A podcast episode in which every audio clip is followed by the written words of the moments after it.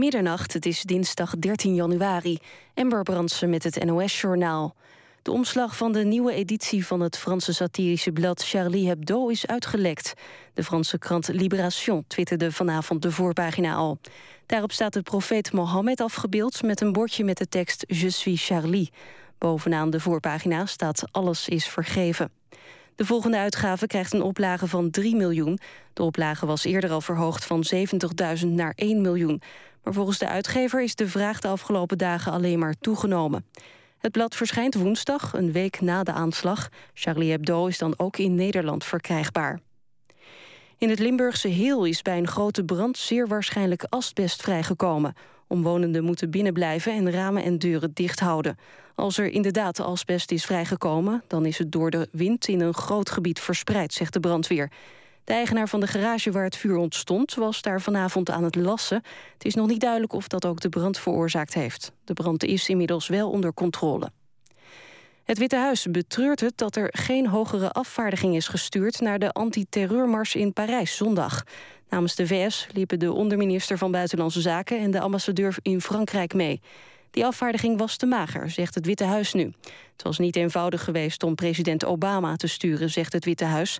omdat voor zo'n bezoek enorme veiligheidsmaatregelen nodig zouden zijn. Hockeyster Inge Vermeulen is plotseling overleden. De kiepster kwam acht keer uit voor Oranje. De selectie won in 2009 het EK en werd derde in het toernooi van de Champions Trophy. De afgelopen acht jaar speelde Vermeulen voor SCHC. De hockeyclub uit Beeldhoven is enorm verdrietig over haar overlijden... maar zegt de keuze die ze heeft gemaakt te respecteren. Inge Vermeulen was 30 jaar. Het weer in een groot deel van het land valt er vannacht veel regen en waait het flink. De temperatuur ligt rond de 9 graden. Aankomende dag begint regenachtig, later wordt het droog en neemt de wind af. Het wordt zo'n 8 graden. Dit was het NOS Journaal. NPO Radio 1. VPRO. Meer slapen.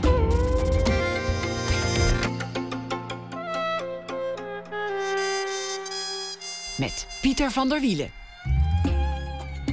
Goedenacht en welkom bij Nooit meer slapen. Men verontwaardigt zich, het zal eens niet. De BBC maakt een radiovertolking van een verhaal over de fictieve moord op Margaret Thatcher. Daarvoor uh, aandacht na één uur. En ook aandacht voor de overleden couturier Frans Molenaar.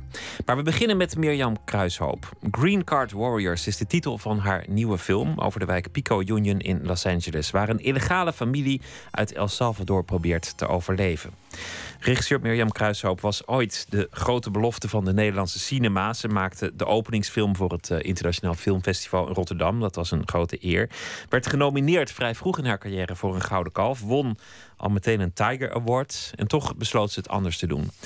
Ze volgde De Liefde, een uh, DJ-fotek. Begin van dit decennium eerst naar Londen, later naar Los Angeles. Daar heeft ze heel veel gedaan. Van clips tot commercials, kunstprojecten, uh, televisiewerk, noem maar op.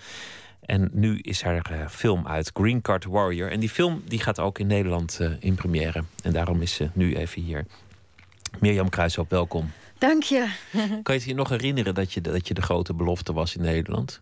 Nou, vandaag ben ik daar heel veel aan herinnerd, ja. Omdat je een uh, soort interviewmarathon had. ja, precies. Nee, tuurlijk kan ik het me herinneren, want het was start van mijn carrière en het was een uh, hele leuke periode. Maar ik, ik geloof meer dat het een andere was die zeiden van dat ik de grote belofte was, dan dat ik daar zelf zo mee bezig was. Dat zijn als het goed is altijd anderen. Als je zelf zegt dat je de grote belofte bent en niemand anders het zegt, dan, dan ja, dan is dat er wat is mis, goed. toch? Ja, dat, dat, is niet, uh, dat is niet gaaf. Laten we het straks hebben over alles wat er in je, in je leven is gebeurd. Laten we het eerst maar meteen hebben over um, de film, een echte Hollywood-film uh, die, die uitkomt. Het is voor veel mensen een droom. Waar, waar jij woont in Los Angeles uh, gaat het cliché dat elke taxichauffeur een, een filmscript onder zijn stoel heeft liggen. Hoeveel werk is dat om zo'n film daadwerkelijk gemaakt te krijgen?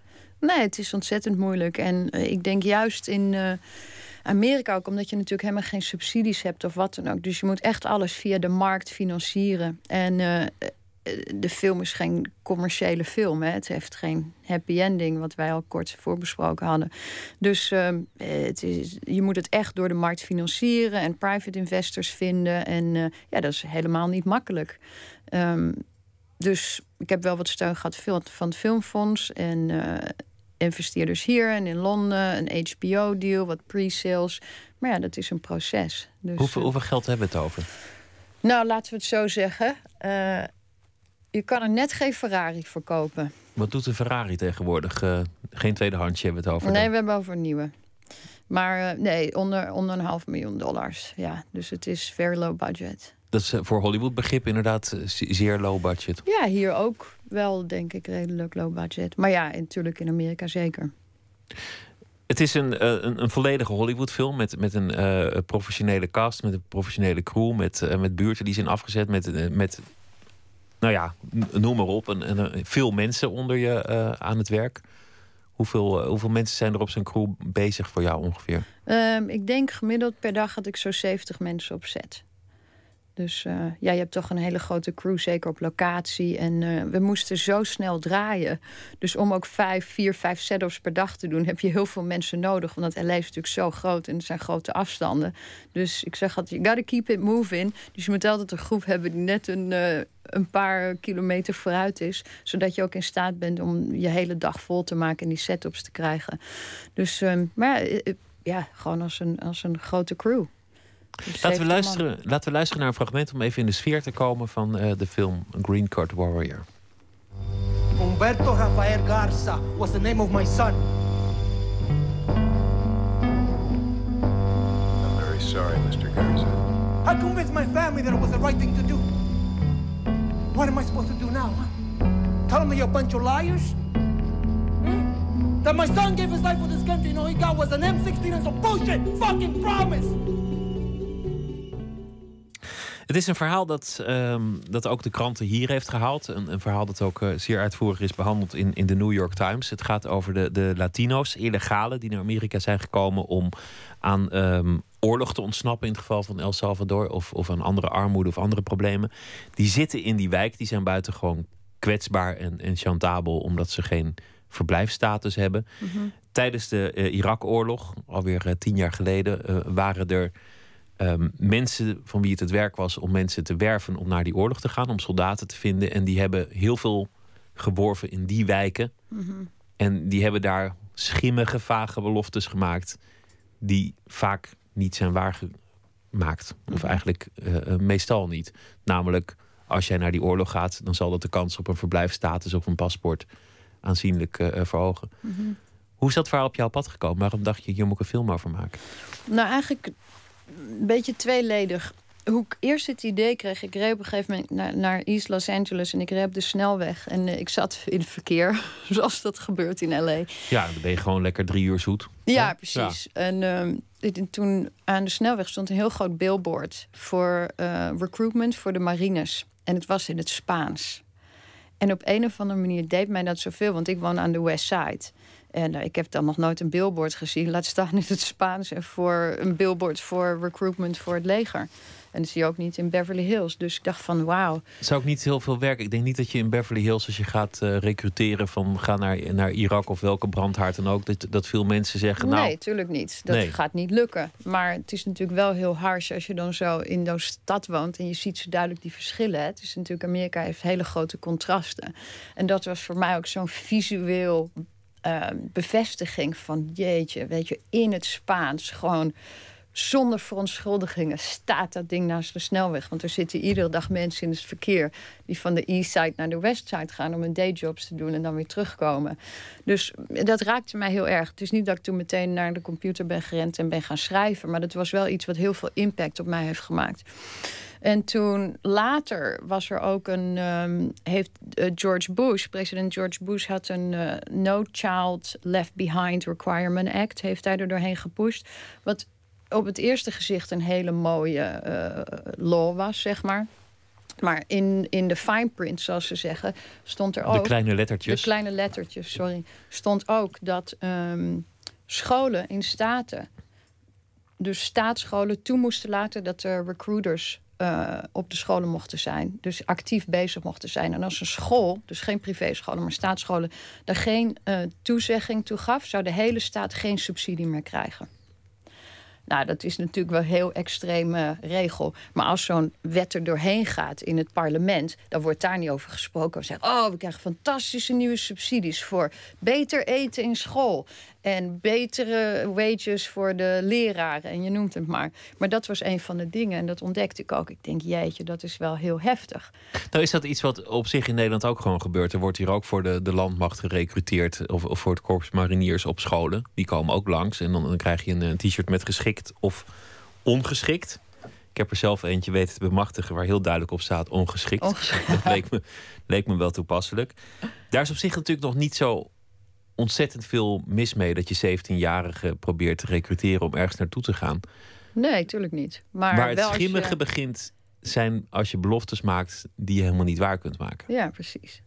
Dus ehm, in ieder geval, ik, ik las toen daarover. En toen zag ik een item over ehm, East Los Angeles, over een, eh, een school daar. Middelbare school, waar dus een, eh, een Latino had daar een item over gemaakt. Want zijn broer was gerecruit op zijn school. En eh, ah, ik vond dat zo heftig. En toen, een paar, toen had ik dat gezien. En toen een paar maanden later kon je dat item op het internet niet meer vinden. En meerdere artikelen.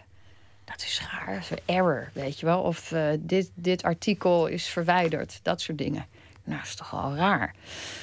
Dus nee, maar wat jij ook zegt met het recruitment, als je heel veel oorlogen hebt, ja, je moet wel, mensen hebben die gaan. Dus ehm, hè, net zoals in Vietnam gingen ze heel veel naar het zuiden. Hè, ze, ze hebben natuurlijk wel op een bepaalde community. Ehm, ik weet niet, als je dat gewoon ziet en die realiteit... en dan hoor je verhalen dat mensen beloftes maken... en dat iemand daarom denkt, nou oké, dit, dit kan een betere toekomst bieden voor mijn familie. Want daarom komen die mensen natuurlijk naar Amerika... om te zeggen van, nou, ik heb hier meer mogelijkheden dan waar ik vandaan kom.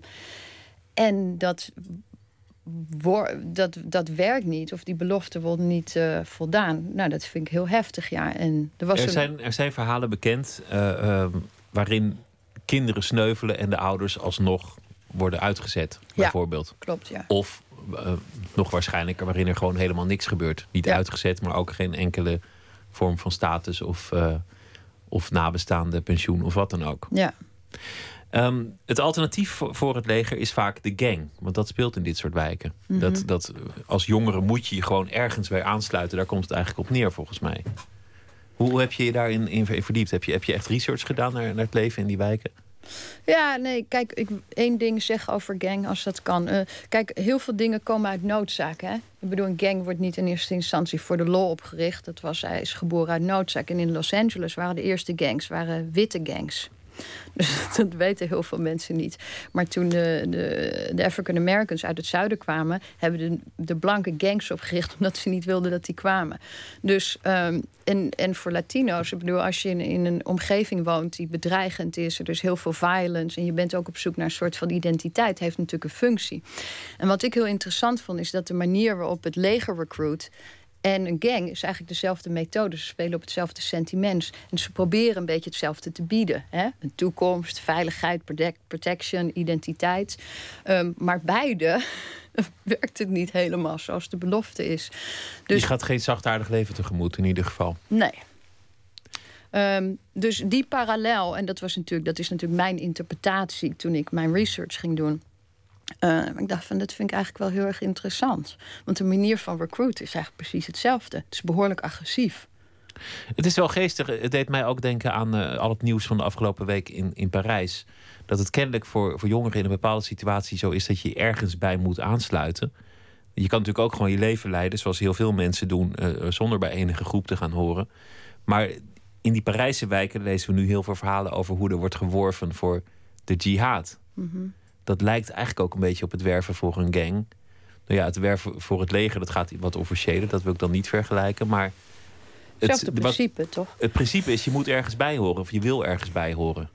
Misschien is het het willen nog wel groter dan het moeten. Ja. Je, je Ja, wil niet heb- alleen zijn. Je wil richting hebben in je leven. Je wil een, een vervulling hebben van je bestaan. Je voelt je uitgesloten of je voelt je niet betrokken. En, je denkt dat het beter wordt als je je bij een of andere club aansluit. Ja, ik denk de- zeker als je als buitenlander ergens komt. Ik heb me altijd geprobeerd aan alles te onttrekken, niet ergens bij te horen. Maar ik kan me heel goed voorstellen dat als je ergens nieuw komt en je hebt misschien moeite met de taal je hebt geen familie daar en je opnieuw moet herdefiniëren, dat je heel erg behoefte hebt aan iets wat je kent. En ehm, ik heb daar begrip voor. Hè, of dat goed of fout is, daar gaat het niet over. Maar het is, het is begrijpbaar. Ja, en in, in de film is het ook nog zo dat de gang is... of je hoort erbij of ze zijn een beetje tegen je. Dus, dus in die zin zit er ook nog een beschermend element in. Oh, absoluut. Ja, tuurlijk. Ja. Hoe vonden ze het daar in die wijken? Want je hebt ook daadwerkelijk daar eh, gefilmd. Dat iemand uit Nederland een film komt maken over eh, Latino's in een, in een buitenwijk van Los Angeles. Ik moet je zeggen, ik was zo verbaasd. Eh, ik heb zoveel support gehad. En weet je, als je open bent naar mensen en je vertelt wat je komt doen en je maakt een verhaal over hun community, merk je gewoon dat je heel veel steun krijgt. Dus ik had een producer en zij was heel erg bang. Nee, we kunnen niet op locatie. Dat is allemaal heel heftig. Een MS-13, dat is een El Salvadoriaanse uh, gang. Ik zei van nee, ik bedoel, als je gewoon hun, hun deel maakt van het proces en vertelt wat je doet. En uh, weet je, geeft een beetje geld voor de locatie en we kopen hun eten. En uh, is toch fantastisch? Er gebeurt er wat anders. En ja, het was super. Heel geen, geen moment van onveiligheid? Nee, het enige op een gegeven moment, ik weet wel, ik moest een, uh, een, uh, een shot hebben van een. Uh, een, een waar die vader zat ondergedoken. En ik moest een exterior shot hebben. En toen gingen we naar downtown bij Skid Row. En dat was om drie uur s'nachts, zondagnacht. En ik had een crew van mijn DP, mijn uh, dus cameravrouw was vrouw. Mijn assistent was vrouw, dus wij waren vier vrouwen. En wij gingen door die buurt. En toen op een gegeven moment dacht van... Ja, we denken ook gewoon niet, nou, dit kan gigantisch fout gaan met al onze dure um, equipment. En um, dus, maar dat ging goed. Dus zei ik van laten we de auto's gewoon aanstaan. Dat als er iets gebeurt, we doen het handheld dan springen we meteen in de auto. Dat was het enige moment eigenlijk dat ik dacht van... nu moet je even op je hoede zijn. Je kan niet te naïef zijn. Maar verder, nee, L.A. is een hele uh, verhouding veel veiliger stad... dan het imago is wat men, men hier kent. Het is ook veiliger geworden, lees je wel eens. Ja, in, in, absoluut. In Zeker toen ik in de jaren negentig kwam, is er een heel groot verschil, ja. Dat voel ik wel. Het is um, in die zin geen commerciële film, omdat het, het, het onderwerp natuurlijk al niet echt uh, is van uh, makkelijk. Dit mm -hmm. is een moeilijk onderwerp. Um, en uiteindelijk, zonder het einde te willen verklappen, is het niet een, een, een romantische komedie waarin alles op spootjes terechtkomt. Nee. Zou je zo'n film voor een, een, een, grote maatschappij kunnen maken? Kijk, ik denk een grote studio uh, maakt in principe niet zulke films. Hè? Dat doen ze niet. Dus het is een film die een studio kan aankopen als die af is en een soort minimaal risico neemt. Maar het is niet iets van wat ze van tevoren financieren en 20 miljoen in stoppen. Want, uh, hè, en het moet ook heel. De genres waar ze op focussen, dat zijn comedies, grote acties, horror.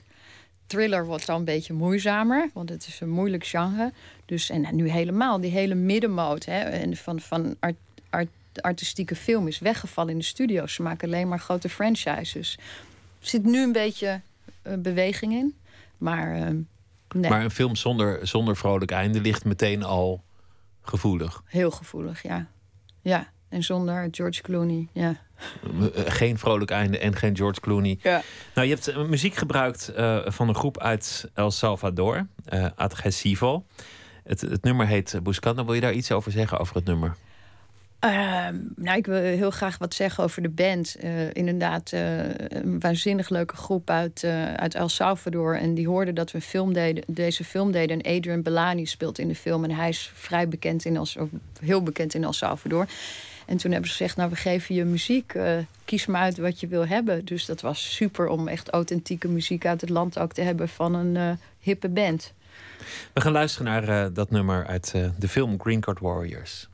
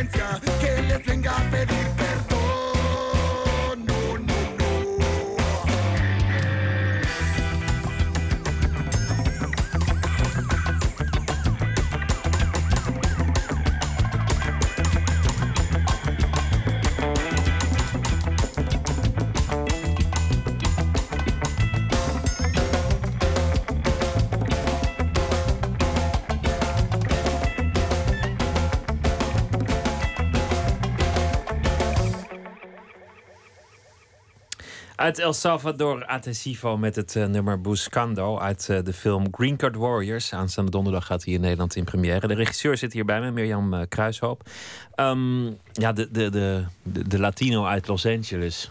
Veel tatoeages, liefst kortgeschoren haar, sieraden, vaak een beetje opgepompt lichaam. Voor, voornamelijk de eenzijdige mm, oriëntatie op het bankdrukken wanneer het op fitness aankomt, zodat het bovenlijf meer getraind is dan, dan de rest. En, en als je tegenkomt, zou je op het eerste gezicht toch een, een flink blokje omlopen. Want ze zien er vaak imponerend uit.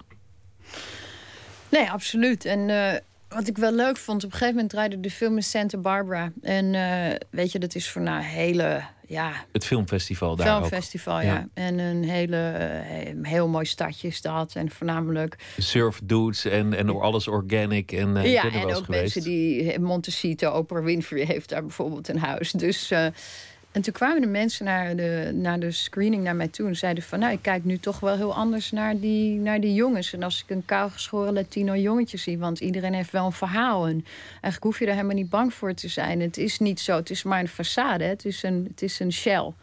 Een, eh, een, een, een- de buitenkant. En ik zeg van, ja, nee het is opvallend hoe lief en, en, en ehm, supportive die mensen waren voor ons. En eh, ja, het is gewoon een soort uiter, een buitenkant. Want je zei net dat je de gang had laten koken eh, op de set.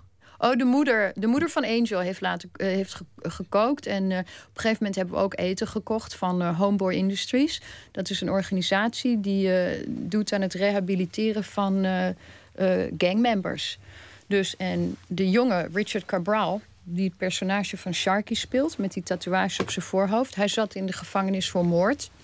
En ehm, hij was nog minderjarig. En Homeboy Industries heeft hem eruit gekregen. En hem opnieuw de maatschappij ingebracht. En hij heeft nu onder andere in End of Watch gespeeld. En The Counselor. En in mijn film. En A Better Life. En ehm, American Crime. Een nieuwe tv-serie die binnenkort uitkomt. Dus hij heeft echt... eh, hele grote ehm, ontwikkeling doorgemaakt. En dat is natuurlijk waanzinnig dat je zulke organisaties hebt die heel erg die mensen helpen. En dan heb je ook acteurs die, die daadwerkelijk hebben meegemaakt wat ze spelen. Wat ja, natuurlijk heel dus vaak, ook. heel vaak niet zo is. Want een acteur die, die speelt over allerlei situaties en die zal zich voorbereiden. Maar die heeft het niet daadwerkelijk meegemaakt. Maar deze jongens komen soms ook echt uit een gang. Richard Cabral, absoluut. Die staat daar heel erg bekend om. Ehm, en een paar van de extra's die in de gang zaten... hebben ook allemaal een gangverleden. En op een gegeven moment had ik mijn casting. En we zaten naast een ander productiebedrijf... en die dachten, nou, dit lijkt wel een soort gevangenis... eh, courtyard of zoiets. Van wat gebeurt hier, weet je? Want al die gasten zien er heel heftig uit. Maar ze zijn allemaal zo lief. Er was één jongen die speelt ehm, Mad Dog... Ehm, toen het nummer Buscando speelt, dan zit hij in de auto. En hij zat bij 18th Street Gang. En op een gegeven moment waren we aan het filmen in een, eh, een ik weet niet meer welke, Los Locos of iets. Een gang area van Los Locos. En toen zei hij, je moet maar niet naast mij lopen hier. En toen zei ik, ik keek hem aan en ik, ik dacht, oké, ik snap wat je bedoelt. Want ze hebben, die hebben een heftig verleden. En het is natuurlijk heel erg nog territorium. En dus hij zei, loop maar in die kant is beter. Als mocht er iets gebeuren, ik wil niet. eh, Oké, en toen had ik ook gang security. Dus toen ik in eh 18th Street had ik 18th Street gang security. En dan gingen we naar een andere buurt, hadden we weer LAPD. Gewoon de, de, de politie. Ja, nou is het, het maffe aan Los Angeles dat, dat alle uitersten er eh, te vinden zijn. Er is natuurlijk Hollywood. Er is eh, Mulholland Drive met de gigantische villa's en, en, en de ontzettend de, de extreme rijkdom die er is. Maar je hebt ook deze wijk bijvoorbeeld. Je hebt ook eh, de tentjes waar mensen naar werk zoeken.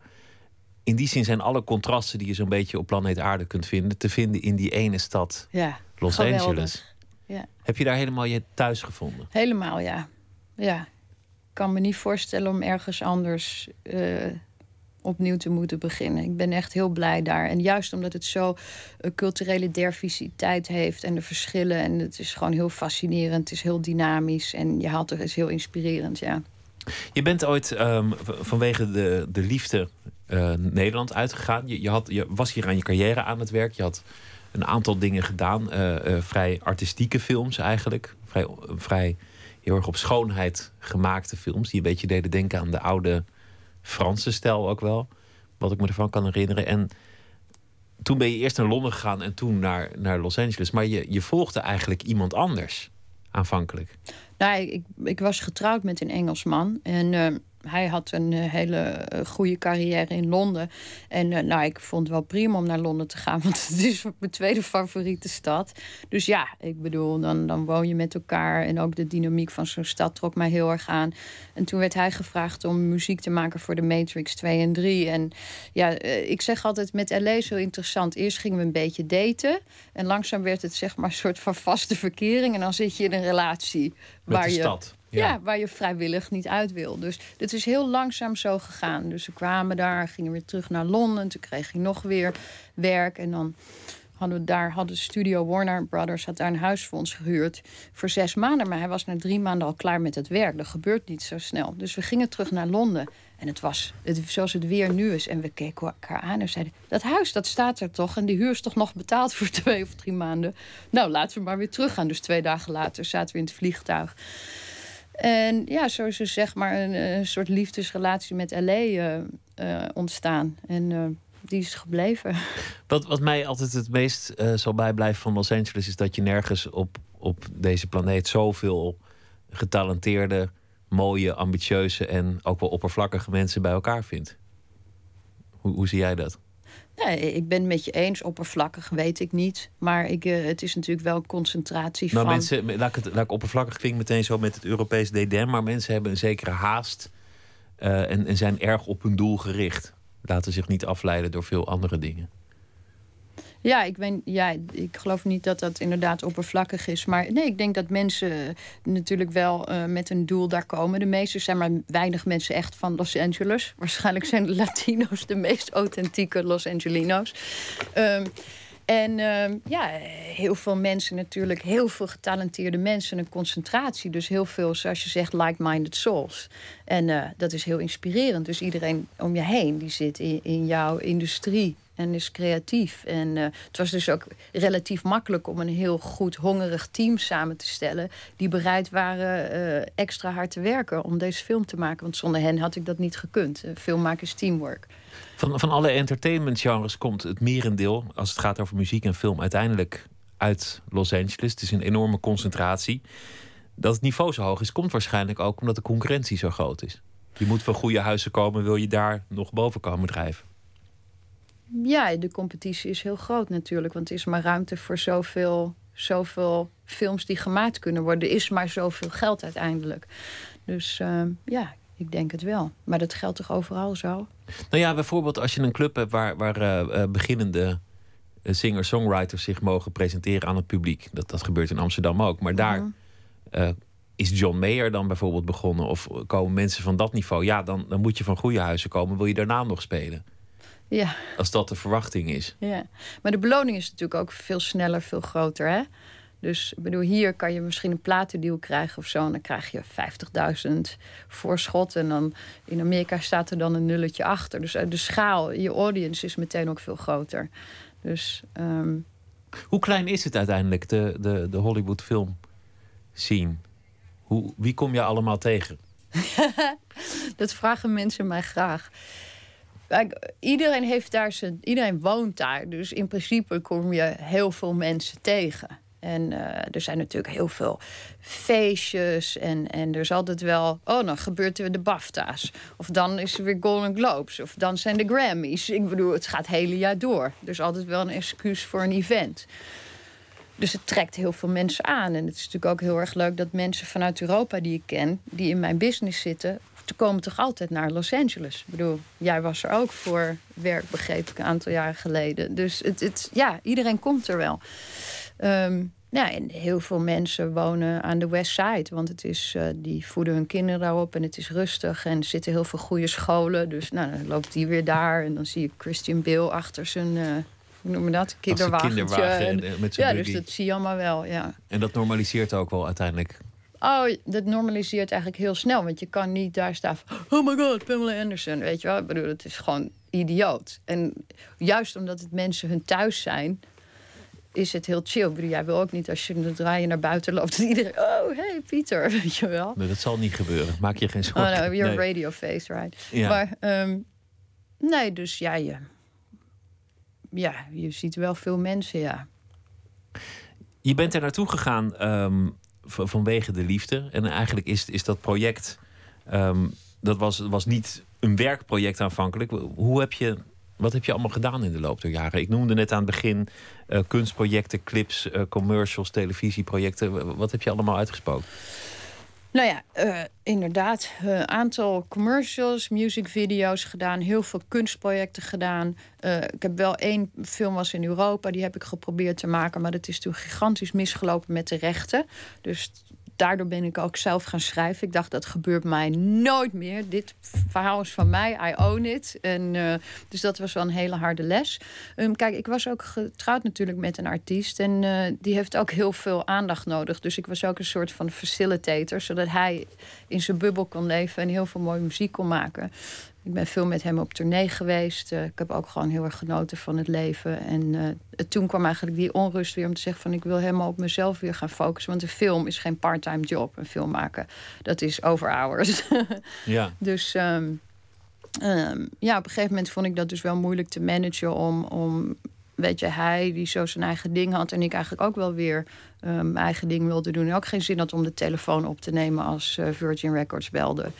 Dus, um... nou, het lijkt me ook wel moeilijk als er, als er twee mensen met uh, talent en ambitie in één relatie zitten.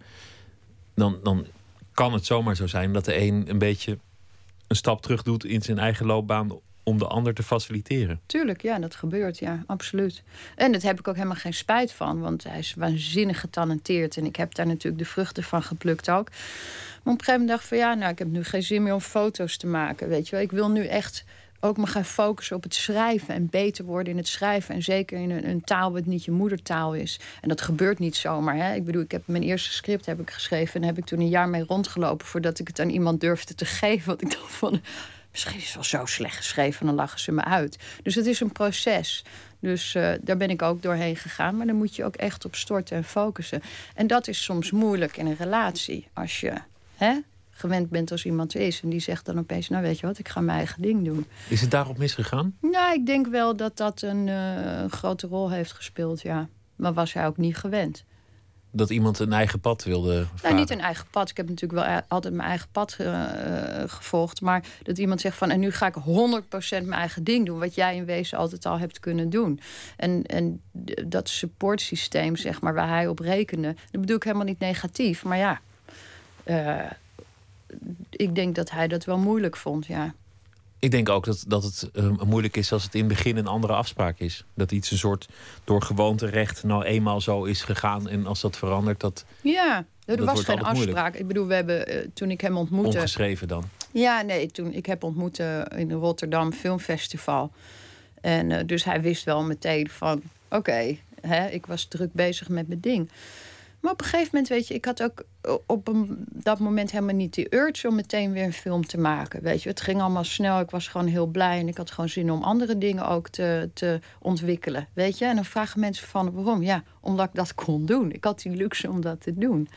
Dus dan begin je een platenlabel en ik heb muziek gemaakt en met heel veel muziekartiesten eh, gewerkt. Ook heel veel uit East Los Angeles en South Central. Dus nou, daar heb ik enorm van genoten. Dus Het is, eh, het is misgegaan, dat is, dat is nooit leuk voor, voor, voor wie dan ook. Dan, dan, eh, ik bedoel, een relatie die afloopt, dat brengt liefdesverdriet met zich mee. Was het extra moeilijk omdat je daar zat en omdat je daar dat leven aan zijn zijde had opgebouwd? Ehm, wat een goede vraag. Nog nooit zo over nagedacht. Nee, ik denk niet dat daar. Wat ik, ik ben toen wel naar New York verhuisd om zeg maar even hem die ruimte te geven. Omdat ik eh, de scheiding had geïnitieerd. En dat was natuurlijk heel moeilijk. Dus ik nou, dan ga ik in New York wonen en dan eh, hè, kan hij even zijn eigen ding doen. En uh, dus toen heb ik anderhalf jaar in New York gewoond. En toen uh, wou ik wel weer terug naar LA. Want ik miste LA wel heel erg.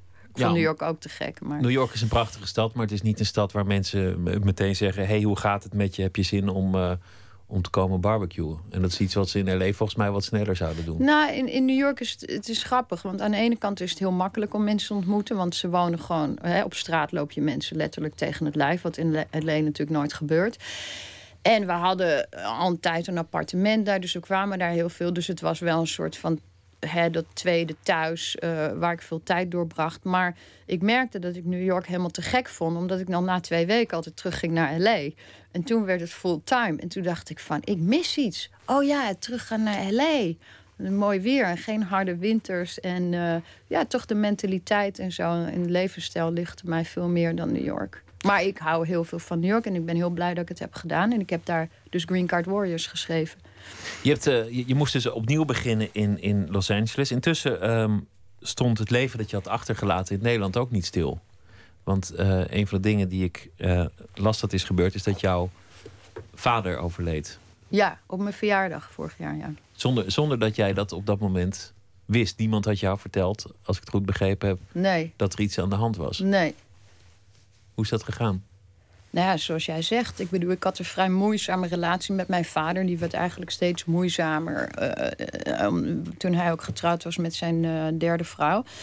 En ehm, ja, moeilijk iemand. En het werd steeds moeizamer. En toen uiteindelijk zijn we over een aantal dingen die met het verleden hadden te maken. En, en mijn ouders toch een beetje uit elkaar gevallen. Maar ja, dat wil niet zeggen dat een, een, een derde persoon daartussen moet staan. Want ik ben zijn enige kind. En eh, ze hebben mij toen niet verteld dat hij eh, ziek was. Hij had Hodgkin's disease. En toen hoorde ik... eh, Lymfeklierkanker. ja, en toen hoorde ik op mijn... twee dagen na mijn verjaardag kreeg ik een e-mail van mijn stiefbroer... die ik niet mee opgegroeid heb. Ik misschien tien keer in mijn leven gezien. Is zo. Ehm, een e-mail met in de onderwerp dood van je vader. Fucking hell. Dat is harteloos, zeg. En het was dus net, laat. ik kon ook niet naar de begrafenis komen, was niet uitgenodigd, nou ja, al dat soort shit. Dus ehm, ja, dat was niet leuk, hè. Dat doet pijn. Want je kan het niet afronden, ik heb geen closure. En dan denk ik van, ja, had toch een kind de kans moeten geven. Ook al is die relatie heel moeizaam. Je moet, ook voor hem, hè. Ik bedoel, je, moet, je kan daar niet tussen staan. En als iemand zo ziek is, vraag je je af, hè. Hoe toerekeningsvatbaar is die persoon? Wat maakte hij mee? Wat was bewust? Wat is de invloed geweest van een derde persoon of niet? Dat, dat weet ik nooit. Ik heb nooit met hun gesproken. Dat soort dingen gebeuren wel. Zelfs iemand vlucht in een nieuwe relatie of, of in helemaal terechtkomt in een andere situatie. Dat op de een of andere manier ook kinderen uit een eerdere relatie een beetje worden aan hun lot worden overgelaten eigenlijk. Ja, ik denk gewoon dat mijn vader is drie keer getrouwd geweest. En ik denk met zijn eerste vrouw had hij geen kinderen. En kon hij wel eh, zo die break maken. Maar een kind zit je even gewoon vast. Dus dat was, was, was wat moeilijker. Maar ik heb eh, vroeger heel close en ik lijk ook heel erg op hem. Maar op een of andere manier is dat toch helemaal misgelopen. En ja, het is heel tragisch. En dat kan je nu niet meer terugdraaien. Dat is de tragiek. Van je had dat zo graag mooi willen afronden. Of in ieder geval van oké, weet je, we kunnen niet met maar zus en zo. Maar dit is wel heel hard. Ja. Dus Maar dan ben je in Los Angeles terwijl, terwijl dat gebeurt.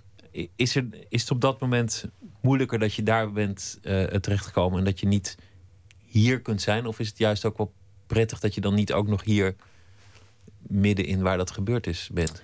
Eh, Een hele goede vraag. Ik denk dat- die relatie zo moeizaam... Er zijn zoveel dingen gebeurd waar ik nu niet in detail over treed. Maar dat ik eigenlijk wel die afstand, dat dat mij wel heel goed uitkomt. Niet natuurlijk dat ik niet mijn vader kon zien... en afscheid kon nemen, niet bij zijn begrafenis. Dat is heel erg gepland van hun kant, dat dat niet lukte. Ehm, Ehm, maar ehm, eh, Nederland vind ik heel erg leuk om te bezoeken. En ik ben natuurlijk heel erg Nederlands. Maar niet om hier fulltime te wonen. En je kan niet met dat soort dingen rekening gaan houden. Hè? Van, oh, ik had geen idee. Als ik had geweten dat hij zo ziek was, was ik wellicht veel eerder teruggekomen en gezegd: Nou, ik, ik ga zes maanden hier doorbrengen. Dat is toch heel makkelijk. Maar als die kans je niet wordt gegeven, maar mijn leven is daar. Wat doe je op, op zulke momenten? ehm, wa- wa- want, nou ja, je relatie, of, of eh, nou ja, in dit geval die hele afronding met je vader, die, je- die je niet gegund is. Wat doe je op zo'n moment? Waar, waar stort je je op? Werk, Werk? Schrijven? schrijven, kunst maken, werk. Dat is natuurlijk de beste, voor mij de beste remedie. Want de laatste jaren ehm, ben je ineens met heel veel projecten begonnen. Want daar kunnen we straks nog over hebben. Je bent ook nog bezig met een documentaire over eh Regidio Tuur. Nee, geen documentaire, speelfilm. Een speelfilm ja, over de dat- proberen we, ja. En, en er zijn nog een aantal andere projecten die, die nog wat eh, in, een- in een vroeger stadium zitten. Dus die we misschien niet helemaal al moeten bespreken. Maar het lijkt wel alsof er ineens een soort fontein van energie tevoorschijn is gekomen. Ja, nee, ik voel me heel geïnspireerd en eh, ik voel me creatief eh, heel goed. En, ehm, en ik heb natuurlijk ook daarvoor gekozen, dus dan moet je ook leveren. Hè? maar het is heerlijk dat je nu, hè, als je zo op jezelf bent, dat je 100% daaraan kan geven. Dat is die vrijheid waar ik voor heb gekozen. Dus dat werpt ook vruchten af natuurlijk. Maar ja, misschien is het wel zo dat je heel veel rotzooi achter je hebt gelaten. En dat daarom juist nu veel dingen ineens eh, in de versnelling komen. Wellicht. Ik denk dat buitenstaanders dat misschien beter kunnen, kunnen analyseren. Maar voor mijn gevoel zit ik gewoon helemaal in de flow van lekker werken en eh, loopt het gewoon goed. Dus daar ben ik heel blij om. Laten we gaan luisteren naar ehm, muziek van de band Kovacs. Een van de band die zich zal eh, presenteren aan het eh, publiek in Nederland op het Eurosonic Noorderslag Festival in Groningen. Het nummer dat we draaien heet Song for Joel.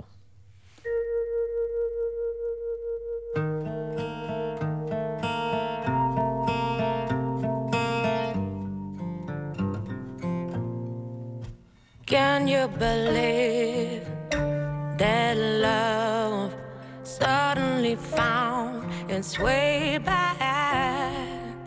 Caught by surprise as you unpack a new love. Truly amazing how you've been touched by an angel sheltered by friends. Now you've seen true love. Now you've seen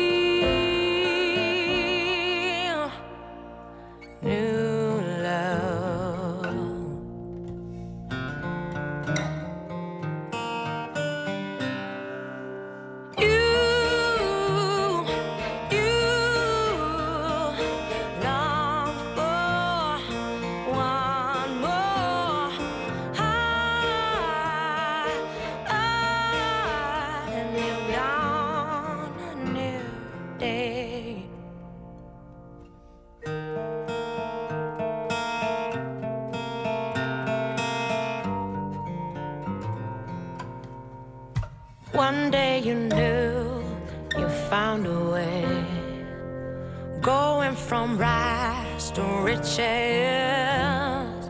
A blanket of hope covers you in your love. Your body is broken, your eyes shine bright. A chance to start all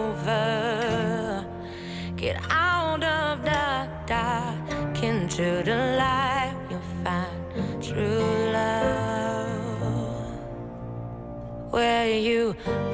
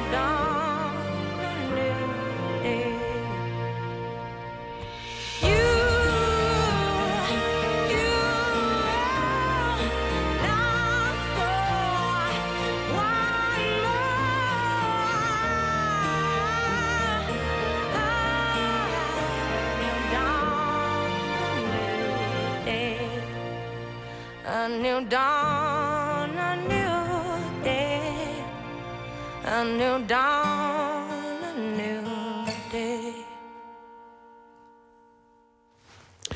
Sharon Kovacs uit eh, Eindhoven, een eh, Nederlands artiest met een internationaal platencontract. Dit voorjaar verschijnt het album en dit was vast Song voor Joel. We ehm, hebben het gehad over Los Angeles en we hebben het gehad over de film eh, Mirjam Kruishoop. We hebben het gehad over wat je de laatste jaren allemaal hebt meegemaakt. Niet, niet allemaal de meest eh, glorieuze momenten van, eh, van je leven, denk ik. Nu zijn we hier in Hilversum, de, de, het, de stad, het dorp moet ik eigenlijk zeggen, waar je bent, eh, bent opgegroeid. Je rijdt door, door die straten en ik, ik wil eigenlijk met je terug naar ehm, hoe het begonnen is dat jouw interesse voor de film en, en wat jou geïnspireerd heeft, omdat je best wel veel verschillende dingen hebt gedaan. Sommige heel abstract, kunstzinnig, heel erg op beeld. Eh, deze film is, is heel erg rauw. Wat waren eigenlijk de, de dingen waar je naar keek en hoe ben je eigenlijk op dat pad van de film gekomen? Dus voor in eerste instantie. Ja, als, als, als, eh, als, als jonge vrouw, als, als tiener. Ehm, nou, ik was altijd al. Ik keek altijd films en ik, ieder weekend wou ik Scars, Scarface weer huren. Mijn moeder werd er helemaal gek van. Dus ik heb altijd enorme voorliefde en passie gehad voor film. En ik wist altijd wel in mijn achterhoofd van dat wil ik doen. Toen heb ik ook vrij fanatiek getennist. En toen kreeg ik een blessure en toen kon ik niet meer tennissen. Toen ben ik een maand naar Amerika gegaan. Toen was ik 15. En toen kwam ik terug en toen zei ik tegen mijn ouder... nou, ik ben nu over de tennistrauma heen... maar ik weet wat ik wil gaan doen. Ik word dan wel regisseur. Dus ik dacht er, oh, oké, prima. Weet je, dacht, Anders was je professioneel tennisser geworden. nou, ik weet niet of ik zo goed was, maar ik had het wel in mijn hoofd, ja. Ik speelde wel de hele... Dat, dat was het, ja. Want je bent, bent nog steeds enorm geïnteresseerd in, in, in sport. Ja, In, in, eh, in, in fitness. Dat moet als je in Los Angeles woont. Daar, daar komt het tenslotte vandaan. Daar is het ooit begonnen. Op de, op de Gold Gym. En, ehm, en natuurlijk die, die, die film die je bent, aan het maken bent over Regie Auteur. Maar in veel van jouw werk is het, ook- is het ook wat, wat artistieker. Het zijn bijna eh, dingen die doen denken aan, aan film noir of aan, aan eh, experimentele films uit de jaren zestig. mhm. Ik weet niet of dat iets is wat je erin hebt gelegd, maar vooral het werk wat je nog maakte toen je in Nederland zat, nee, absoluut. En, eh, had wel die sfeer van, van Catherine Deneuve of uh, Ja, nee, ik ben natuurlijk ook heel erg beïnvloed door, door Europese film. En heeft Antonioni is nog steeds een van mijn favoriete regisseurs. Dus, eh, en Frans Zwartjes is mijn mentor geweest. Dus ik heb zeker, ben daardoor geïnspireerd geraakt en beïnvloed. En, eh, en ik denk, je maakt allemaal ontwikkeling door. Hè? Dus je, ik denk als je eerdere films van andere regisseurs ziet... het is vaak ook heel abstract werk. Of alleen maar op het visuele. En dan later komt dat verhalende. Dus ik denk, ja, een soort ontwikkeling die je doormaakt als... als filmmaker. Ehm, en Vivel draait woensdag in AI, dus ik ga kijken. Ik ben heel benieuwd wat ja, ik er je nu oude van film vind. die, Ja, die je toen hebt eh, eh, ja, gemaakt. dus- ja, ja, heel leuk. Nee, en ik, ik hou heel erg van mijn werk, want ik zie natuurlijk wel dat de thematiek van de mensen die een soort van obscuriteit leven en op zoek zijn naar een identiteit, die thematiek zit nog steeds in mijn werk. Dus dat is niet veranderd. Dat is precies wat ik wilde gaan vragen. Het gaat nog steeds over, over de outsider. Ja, absoluut. Eh, het is alleen eh, visueel wat toegankelijker geworden en wellicht iets minder gestileerd. Eh, maar voor Green Card Warriors had het ook, had je een soort, moest het authentiek zijn. Dus dan heeft het helemaal geen zin om een hele gestileerde Godard-achtige situatie te creëren. Al heb ik natuurlijk wel eh, met de Nouvelle vaak heel veel gewoon op locatie en op straat filmen. Dat zie je natuurlijk ook heel erg in Green Card Warriors. Allemaal op locatie gedraaid. Ehm, dus je ziet nog steeds elementen die natuurlijk heel daarin zitten. Alleen het ontwikkelt zich. En, ehm, en ik denk dat ik wat beter ben geworden in verhalen en karakters uitdiepen en real storytelling. Ja, want het schrijven is een van de, de dingen die je net zelf noemde als een belangrijke ontwikkeling van de laatste jaren dat je dat veel meer bij jezelf houdt. Ja, nee, absoluut. En, uh, en ik bedoel, in die zin is natuurlijk dit afgelopen jaar, ondanks waar we het net over hadden, de tragiek, maar ook een heel succesvol jaar. Dat je een film uit hebt in de bioscoop in Amerika en verkoopt een HBO en prijzen wint. En dat je denkt van, oh, ik kan niet schrijven. Niemand heeft door dat het door een Nederlander is geschreven. Weet je wel, they buy it. En uh, dus daar ben ik heel blij mee, ja. Ja, en ook, ik geloof meteen uh, eh, 20.000 kaartjes verkocht in de eerste week alleen al bij de, uh, in, in Californië. Um, ja, nee, dat was wel over New York, San oh, Diego en LA. Ja, dus wel drie over drie theaters was Maar goed, dat, voor een eerste week is dat meteen toch heel, heel erg goed. Nee, wel een goede opening, dus... Ben je zelf een outsider eigenlijk? Um, oh, goede vraag. Ja, best wel. Ik ben niet uh, heel groot groepsmens. Nee, maar ik ben ook enig kind. Dus ik denk, zodra ik merk, oh, ik ga ergens te veel bij horen, dan, dan ik wil, doe altijd wel graag mijn eigen ding. En ik hou er wel van om alleen te zijn. Al denkt iedereen dat ik heel sociaal ben. Dat ben ik ook wel. Maar uiteindelijk dan oh, lekker in mijn eentje zitten, ja.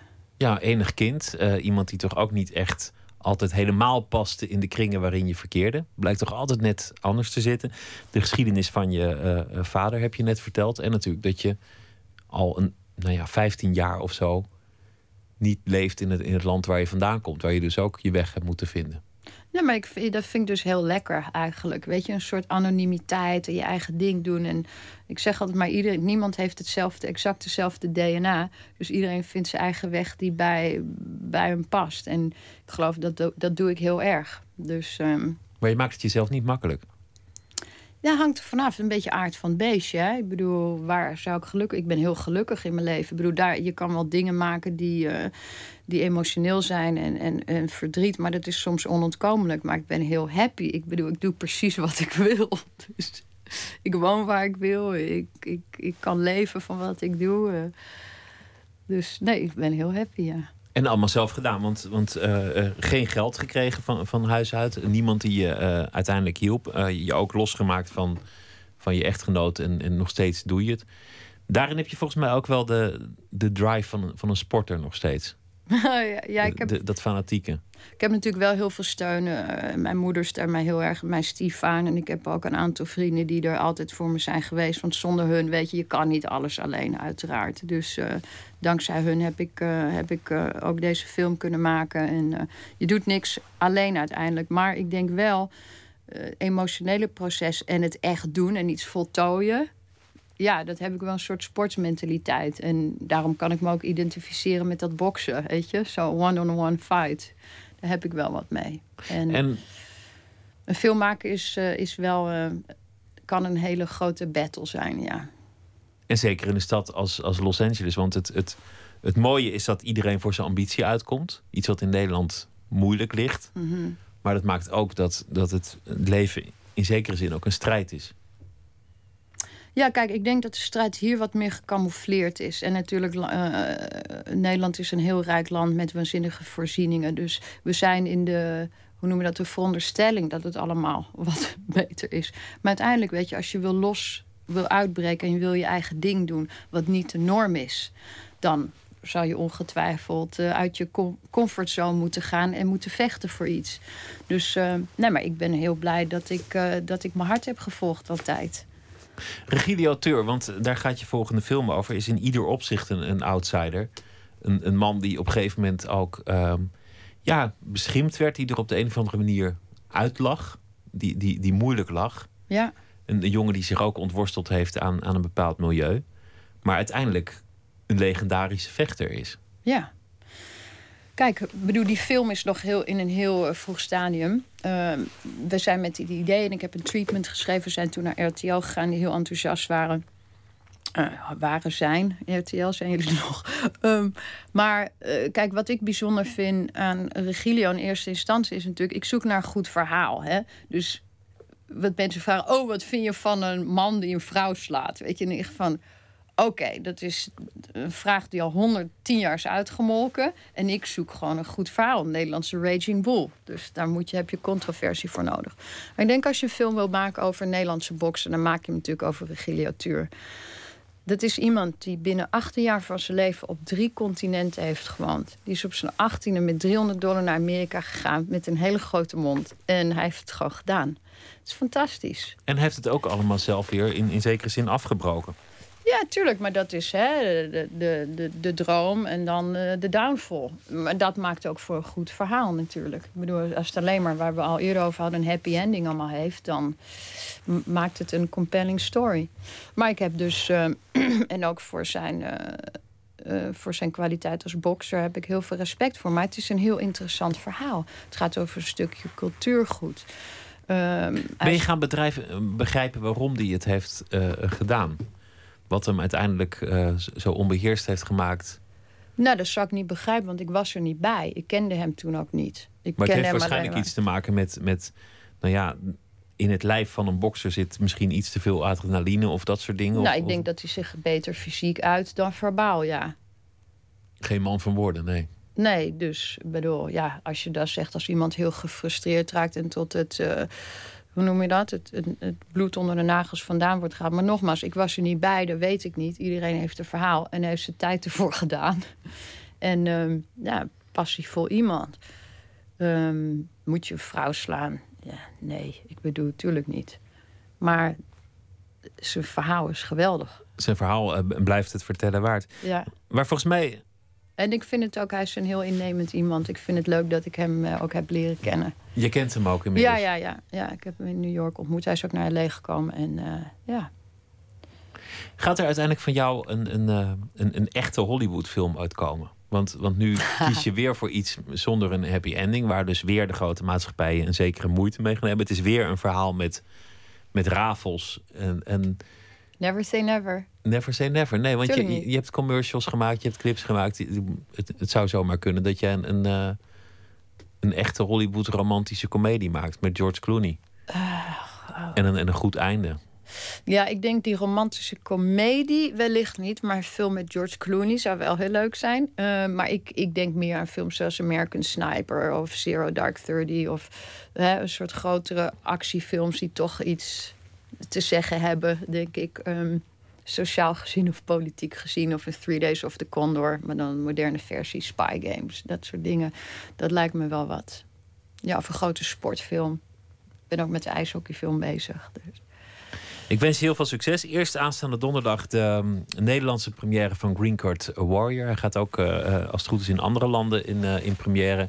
En hij draait natuurlijk in de Verenigde Staten. Je bent bezig met de film over Egidio Tuur, maar nog in de vroege fase. Dus dat Hopen dat het lukt, hè? Hopen dat het lukt, want, want, dat is natuurlijk ook iets in, in, de, in de, de sector. Het kan zomaar mislopen. Tuurlijk, ja. En uh, snel ook weer terug natuurlijk naar uh, je geliefde stad. Los Angeles. Dankjewel. Mirjam Kruisop, dankjewel. Zometeen gaat uh, Nooit meer slapen verder. En dan gaan we het uh, hebben over uh, mode onder andere. En nou ja, nog heel veel andere onderwerpen. Via Twitter, het VPRO NMS. Of via de mail nooitmeerslapen.vpro.nl. Graag tot zometeen.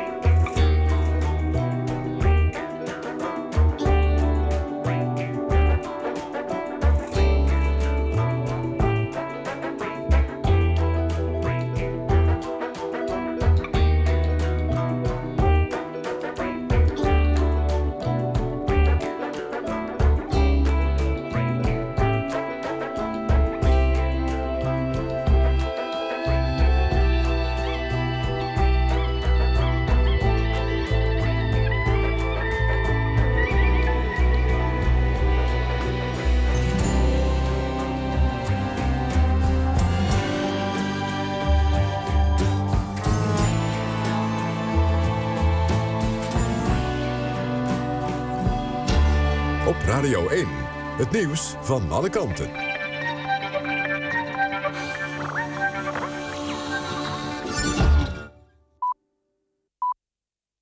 1 uur, Ember Brandsen met het NOS-journaal.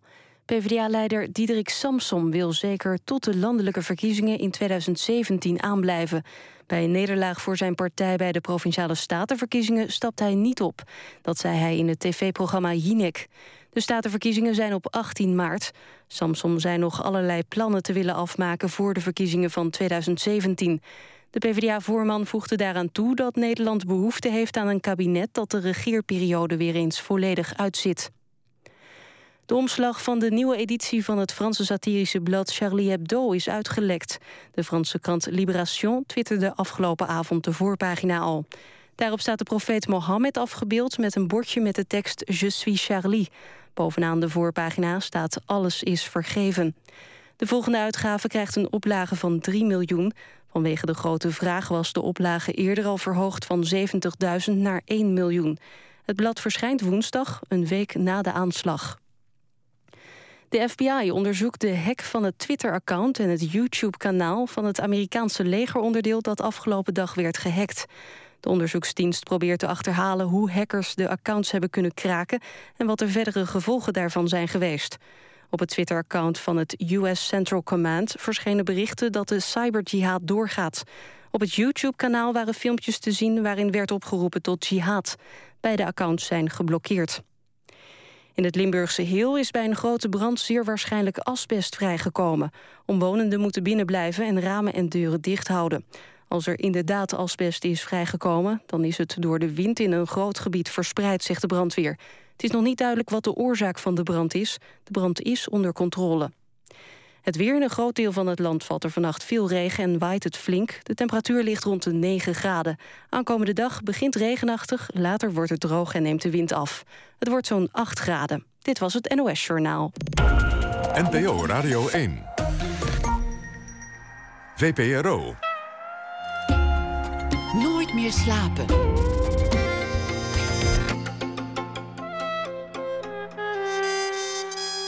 Met Pieter van der Wielen. U luistert naar Nooit meer slapen. We beginnen met een schrijver die we laten reageren op de afgelopen dag. Elke dag een verhaal over iets dat die dag gebeurd is. Thomas van Aalten is uh, de schrijver deze week. heeft uh, vele boeken geschreven. Zijn laatste boek heette Leeuwenstrijd. En dat werd uh, ontvangen met buitengewoon veel lof en toejuichingen. En hij is verbonden aan de Hogeschool van Amsterdam als docent in de media, informatie en communicatie. Goedenacht, Thomas. Goedenacht. Nou, leuk dat je het gaat doen deze week. Vertel, wat, uh, wat heeft je bezig gehouden vandaag? Um, nou, wat, wat mij vooral verbaast... Uh, is de veerkracht en de snelheid... waarmee we in staat zijn om nieuws te selecteren, laten indalen en verwerken. En ik denk wel dat je begrijpt waar ik naartoe wil. We zijn zo langzamerhand echt een media-verwerkingsprofessionals geworden. Dus en een week geleden wist nog niemand uh, wie die hele Charlie was. Had je misschien gedacht aan, aan Charlie Chaplin. En nu zijn we geconditioneerd. En ja, dat uh, fascineert mij vooral. De snelheid en de mystiek van de, van, en de verwarring van het moderne leven eigenlijk. Ja, en dan het ene moment heeft iedereen uh, Charlie op, op zijn digitale praatpaal ge, gespijkerd. En het andere moment komen alweer de commentaren van... nee, jij bent helemaal niet Charlie. En dan de vraag wie zich wel en wie zich niet Charlie mag noemen. En op een zeker ogenblik is het natuurlijk als je een beetje... In, in, nou, niks hebt gevolgd, niet meer te volgen. Want dan is het gewoon een buitengewoon abstract, vaag debat geworden. Ja, en dan wordt het ook weer... Een, uiteindelijk gaat de entertainmentindustrie er altijd mee, mee aan de haal. Ik geloof dat Apple inmiddels ook een Je suis Charlie... Uh, app heeft. Dus, en dat is natuurlijk heel, heel cynisch van mij om dat uh, zo te denken... dat zo'n redelijk preuts bedrijf als, uh, als Apple daarmee aan de haal gaat. Hè? Want Apple die heeft, wilde geloof ik ook geen, geen Playboy-app bijvoorbeeld ooit. En dat zij dan nu zoiets doen. Ik geloof dat je daarmee je locatie kunt bepalen. Dus waar je bent en waar je Charlie bent. Nou, dat is natuurlijk een absurd. Maar ja, de hele situatie is absurd. Juist. Um, dat heeft een verhaal opgeleverd. Ik uh, ben heel benieuwd. Hoe meneer Nasser er tegenaan keek. De feestcommissie stelde voor dat Ivo voortaan de warme consumpties deed. Vroeger deed Ivo ook het geluid, maar de buurjongen van nummer 19, Koen, kon beter overweg met de installatie. Ivo sloot de warmhoutplaatjes, de muziekinstallatie en de feestverlichting aan op één stekkerblok. Een buurman, meneer Nazar, snelde toe. Je hebt te veel apparatuur aangesloten op één groep, buurman. Ivo lachte nerveus. Nee, dat gaat goed hoor, dit doe ik altijd. ik heb op de LTS gezeten. Koen heeft er ook verstand van. Hij doet mbo elektrotechniek. Bedremmeld stond Ivo de hele avond onder het zeil. Hij hoorde getik van de regen boven zich. Zijn vrouw Jolanda stond naast hem. Ivo, kijk uit. Gluwijn, je lekt gluwijn op het stekkerblok. Ivo, Ivo! Het licht en de feestmuziek vielen uit. Het verregende winterwonderland was nu behalve nat en koud ook donker. Terwijl andere buurmannen zich ontfermden over de Elektra, wendde Jolanda zich tot meneer Nasser. Hoe kijkt u uh, eigenlijk tegen het uh, nieuws aan de laatste dagen? Wat bedoelt u, buurvrouw? Nou, uh, die aanslagen van moslims. U bent ook een moslim, toch? Hoe kijkt u er tegenaan? Bent u niet steeds ja, geneigd afstand te nemen? Hé hey, Koen, riep meneer Nasser naar de buurjongen. Bied even je excuses aan. Waarvoor? We hebben geen licht en geluid. Jullie hebben hier alles op één stekkerblok aangesloten. Je hebt er toch verstand van? MBO elektrotechniek, toch? Koen haalde zijn schouders op. Wat heb ik daarmee te maken? De buurman heeft alles aangesloten. Gooide gluwijn over een stekkerblok, ik niet. Meneer Nasser knipoogde naar Jolanda. Kijk, zo keek ik er tegenaan, buurvrouw. Ook een vorm van uh, terreur, als je alles op één stekker uh, aansluit ja. natuurlijk. Uiteraard, ja. En zeker als je ook onder een partytent gluwijn en warme worst uh, uitserveert. Ik, ik was aan de ene kant onder de indruk van, van de marsen in Frankrijk... En, en ook van de massale wereldwijde verontwaardiging over deze aanslag... die natuurlijk buitengewoon terecht is. Tegelijk bedacht ik me, en toen, toen ben ik ook een beetje het web opgegaan om, om dat te bekijken hoeveel aanslagen zijn er eigenlijk wel niet in de geschiedenis geweest? Hoeveel terroristische groeperingen? Wie heeft er eigenlijk nog meer bloedbaden veroorzaakt? En het is een lijst. Het is de, vanaf, vanaf de 19e eeuw. Zelfs Bretagne heeft een afscheidingsbeweging gehad die bommen legde in Parijs. En, en, en dan weer 30 doden hier en 20 doden daar. En daarmee wil ik dit niet relativeren. Want dit ga je natuurlijk nooit tegen een weduwe zeggen die net een man is verloren. Van nou ja, in het licht van de geschiedenis uh, valt het allemaal wel mee. Dat is ook niet wat ik bedoel nee. te zeggen. Maar dit gaat natuurlijk uiteindelijk ook gewoon voorbij. Net als dat de Bretonse afscheidingsbeweging op een gegeven moment ook de wind uit de zeilen kreeg. Nou ja, het is, ik, ik denk ook dat het behoorlijk scheelt. We, zijn ook wel een soort science fiction geworden. Nu die klop, klopjacht op de daders. Hè, en dat wij eh, dat allemaal volgen in het digitale universum. Ik denk dat dat ook wel het grote verschil maakt met ja, bijvoorbeeld zo'n zo'n aanslag van Boko Haram aan de andere kant van de, van de wereld. En er lijkt ook geen einde aan te komen aan die hele, nou ja, niet alleen geweld, maar ook armoedespiralen overal ter wereld. En ik zat te denken, eigenlijk is er maar één oplossing. En het is, zit niet zozeer mondiale wereldvrede of dingen op, op geopolitiek uh, vlak. Maar eigenlijk zullen we steeds vaker zoeken naar een soort kokon op, op lokale schaal. Dus je terugtrekken en doen alsof het vrede is. Ik denk dat daarmee mensen bijvoorbeeld heel veel in resorts zich gaan terugtrekken en pretparken. En, en bijvoorbeeld heel veel uh, films op Broadway, uh, musicals op Broadway gaan, gaan bezoeken. Nou ja, daar, dan zou je zeggen van ja, maar dan steek je je, je hoofd uh, in, het, in het zand. Maar ja, dan zullen we dus moeten aanvaarden dat die horror een soort negatieve belasting in maar... is. En dat dat hoort bij, bij het, het moderne leven. Maar dat is toch al lang aan de hand? Ik bedoel, in heel veel landen in de wereld is, is enorm veel hommeles. En dan heb je een paar relatief veilige eilanden. En dan binnen die veilige eilanden proberen we het ook een beetje droog te houden. En ja, uiteindelijk eh, heb je brandhaarden en daar komt een hek omheen te staan. Ja. Dat, dat is toch al nou, lang aan de hand? Ik denk, ik denk dat het andersom zal zijn. Ik denk dat de veilige kont daar uiteindelijk een, een hek omheen kunnen staan. Dat alleen zeg maar, een soort elite die, alle, die de juiste netwerken en het juiste geld hebben, dat die nog voor de laatste, um, dat, die de, de, de veiligheid en, of de schijnveiligheid en de vrede zullen kunnen, kunnen garanderen voor zichzelf. Een sombere voorspelling uh, al met al. Thomas van Aalten, dankjewel. Morgen weer een, een verhaal bij uh, de dag van morgen. En nu gaan we luisteren naar eh, Betty Lavette, 68 jaar oud. Een uh, soulzangeres die een uh, nieuw album heeft. Worthy, geproduceerd door Joe Henry, die voor vele anderen geproduceerd heeft. Het nummer is oorspronkelijk van The Beatles, Wait.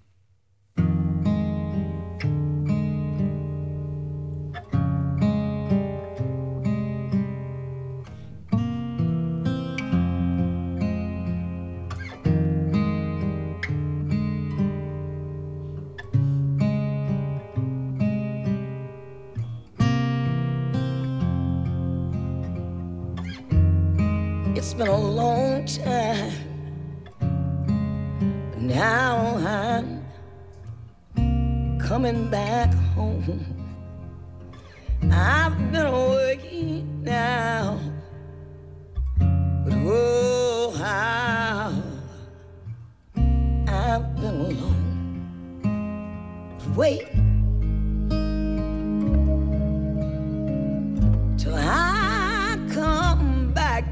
your side. We'll forget the tears we cried. But if your heart breaks, don't wait. Turn me away. And if your heart's strong, hold on. I won't delay. Oh, wait till I come back to your side. We'll forget about the tears we cried.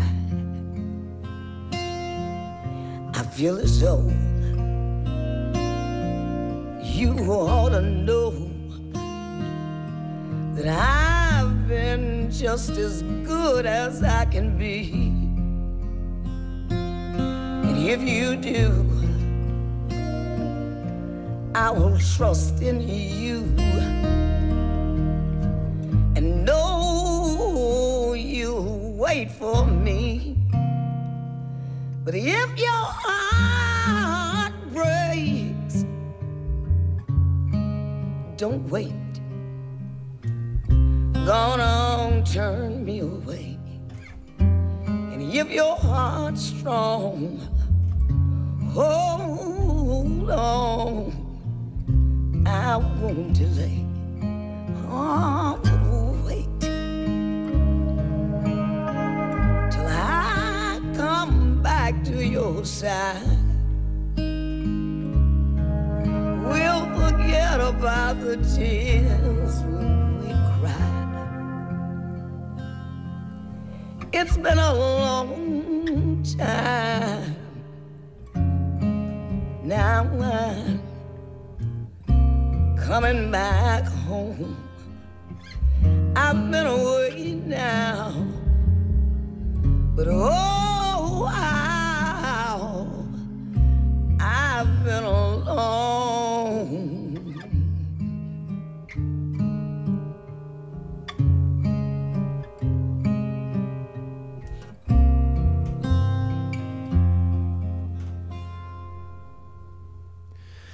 Nauwelijks nog terug te herkennen als eh, nummer van The Beatles, Wait, door Betty Lavette. En het eh, album waar het op staat eh, komt uit over een dag of tien. Nooit meer slapen. Het was al een beetje een schandaal vorig jaar toen de veelbekroonde Engelse schrijfster Hilary Mantel een verhaal schreef over een nooit plaatsgevonden moordaanslag op Thatcher. Ze had het niet gedaan, maar ze had het zomaar kunnen doen. Veel mensen waren daar boos over. De BBC besloot daar een radiobewerking van te maken. En toen was de verontwaardiging pas echt eh, los. Maarten Westerveen stemde af op BBC4 en eh, luisterde wat er werd eh, verteld.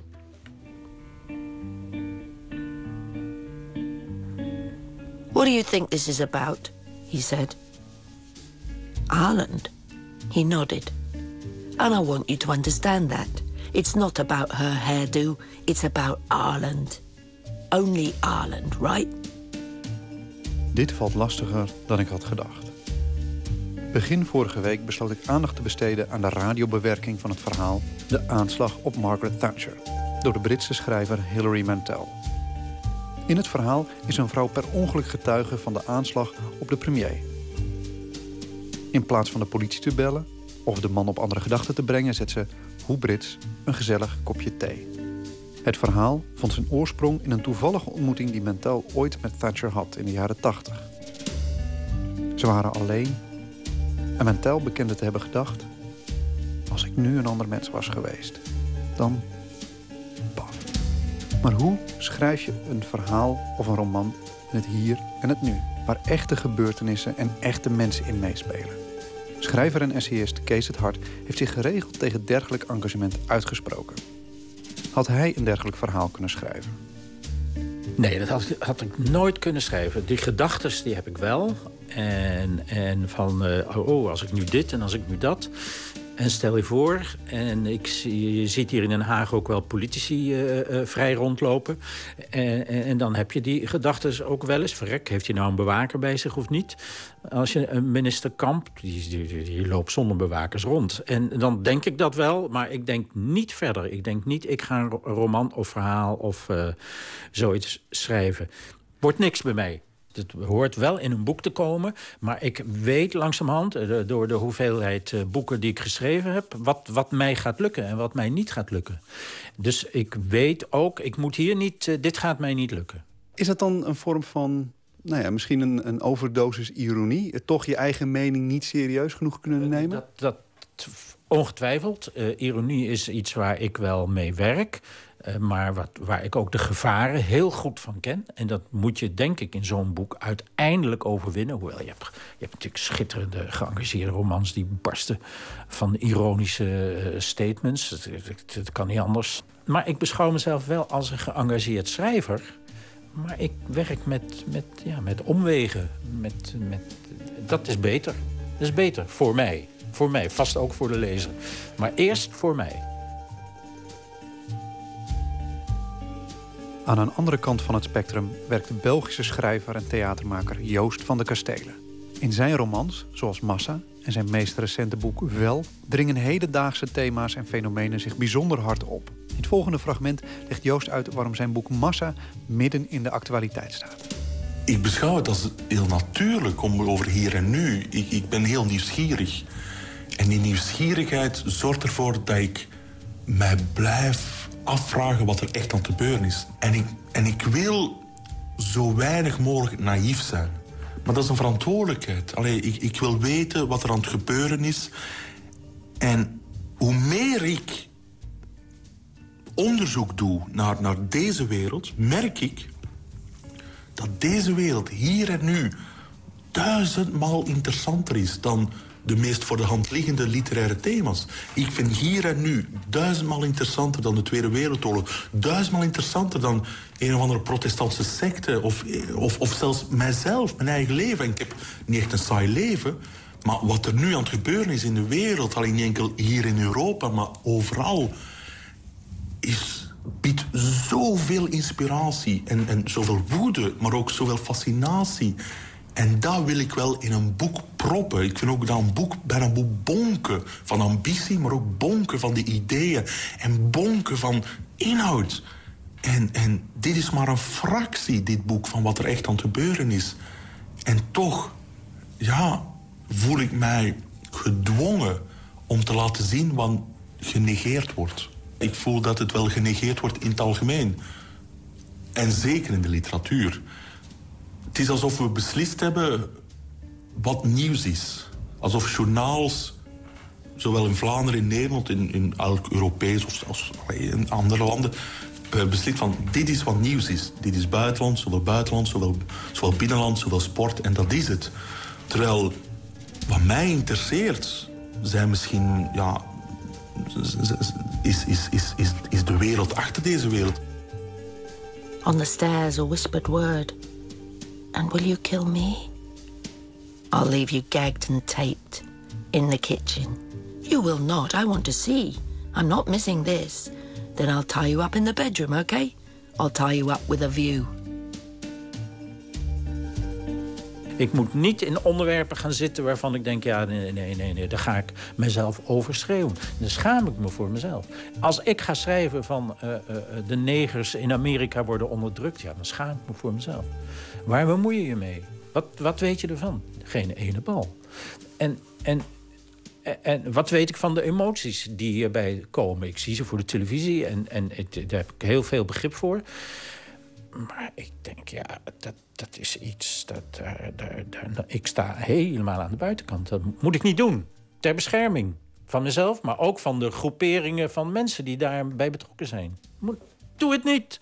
Nou ja. Hoezo is dat voor die betrokkenen problematisch? Het is toch ook, misschien is wel heel erg aangenaam als een, eh, een schrijver uh, aandacht vestigt op, uh, op, op misstanden? Nou, dat is ook zo. Hè? De negerhut van oom Tom, ja, dat is een, een, een witte schrijfster die daarover geschreven heeft. En die, die daar ook uh, in, in, slaagde om, om hele bevolkingsgroepen bewust te maken van wat er eigenlijk aan de hand was onder slaven en gevluchte slaven.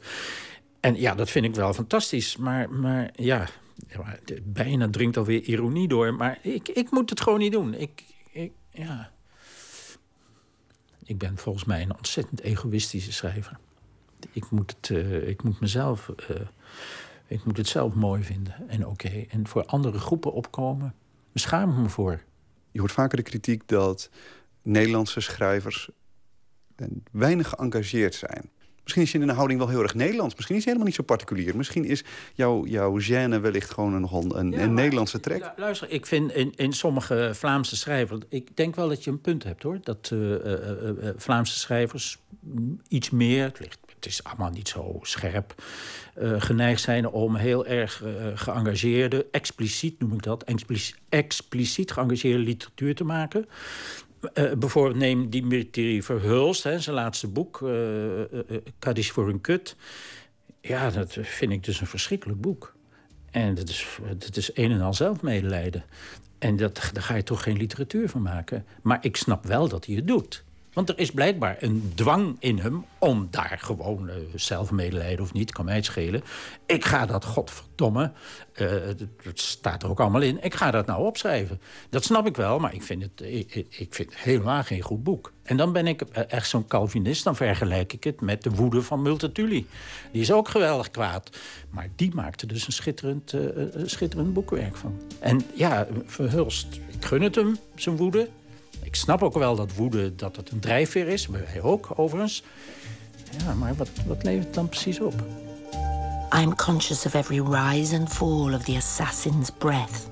A hush falls on the gardens and on us. En dat is voor mij nog maar de eerste stap in het schrijven. Alleen je zou... Want dan zou ik enkel non-fictie maken. Allee, het, zou, het zou ook plausibel zijn dat ik een boek schrijf met alles wat ik dus te weten ben gekomen... en dat ik dat gewoon opsom en dat ik zeg van, goh, erg hè. Terwijl mijn volgende stap is dan de schoonheid daarvan te onderzoeken... of de tragiek. Op zich maak ik het mezelf ook moeilijk. Als ik zo luid mogelijk begin te roepen van...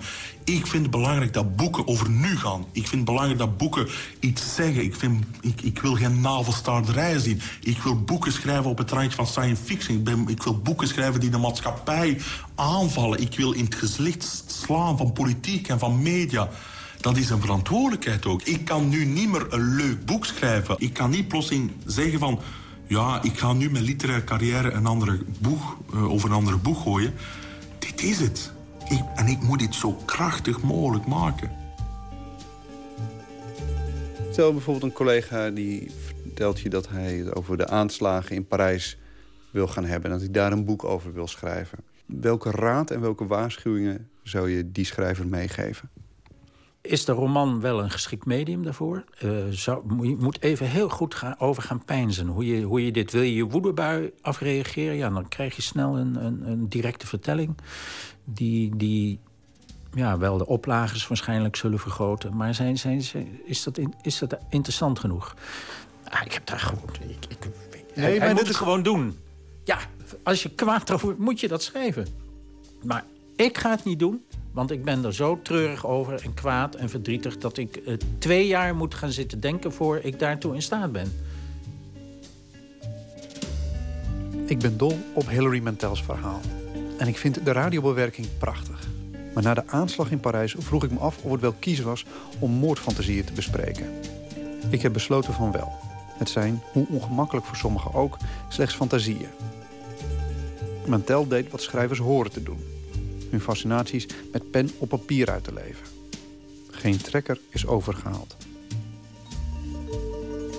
The gunman kneels, easing into position. He sees what I see, the glittering helmet of hair. He sees it shine like a gold coin in a gutter.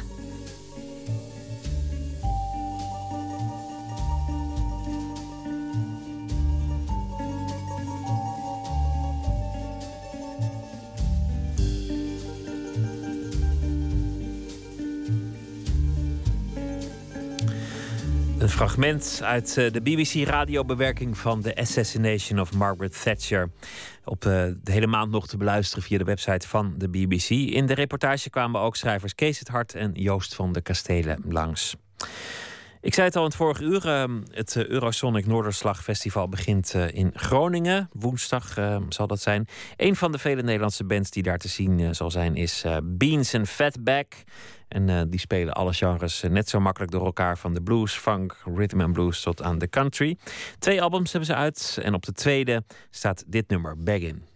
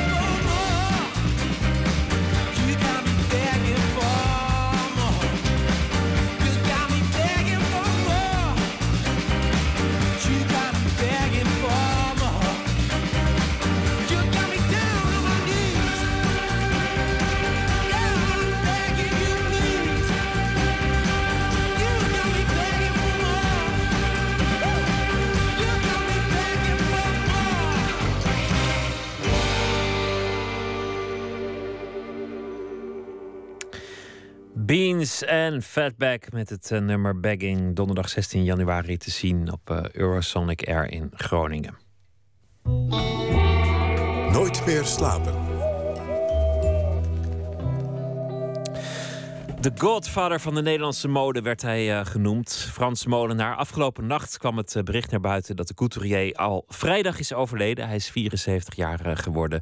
De gevolgen van de val van de trap in eigen huis zijn hem uiteindelijk fataal geworden.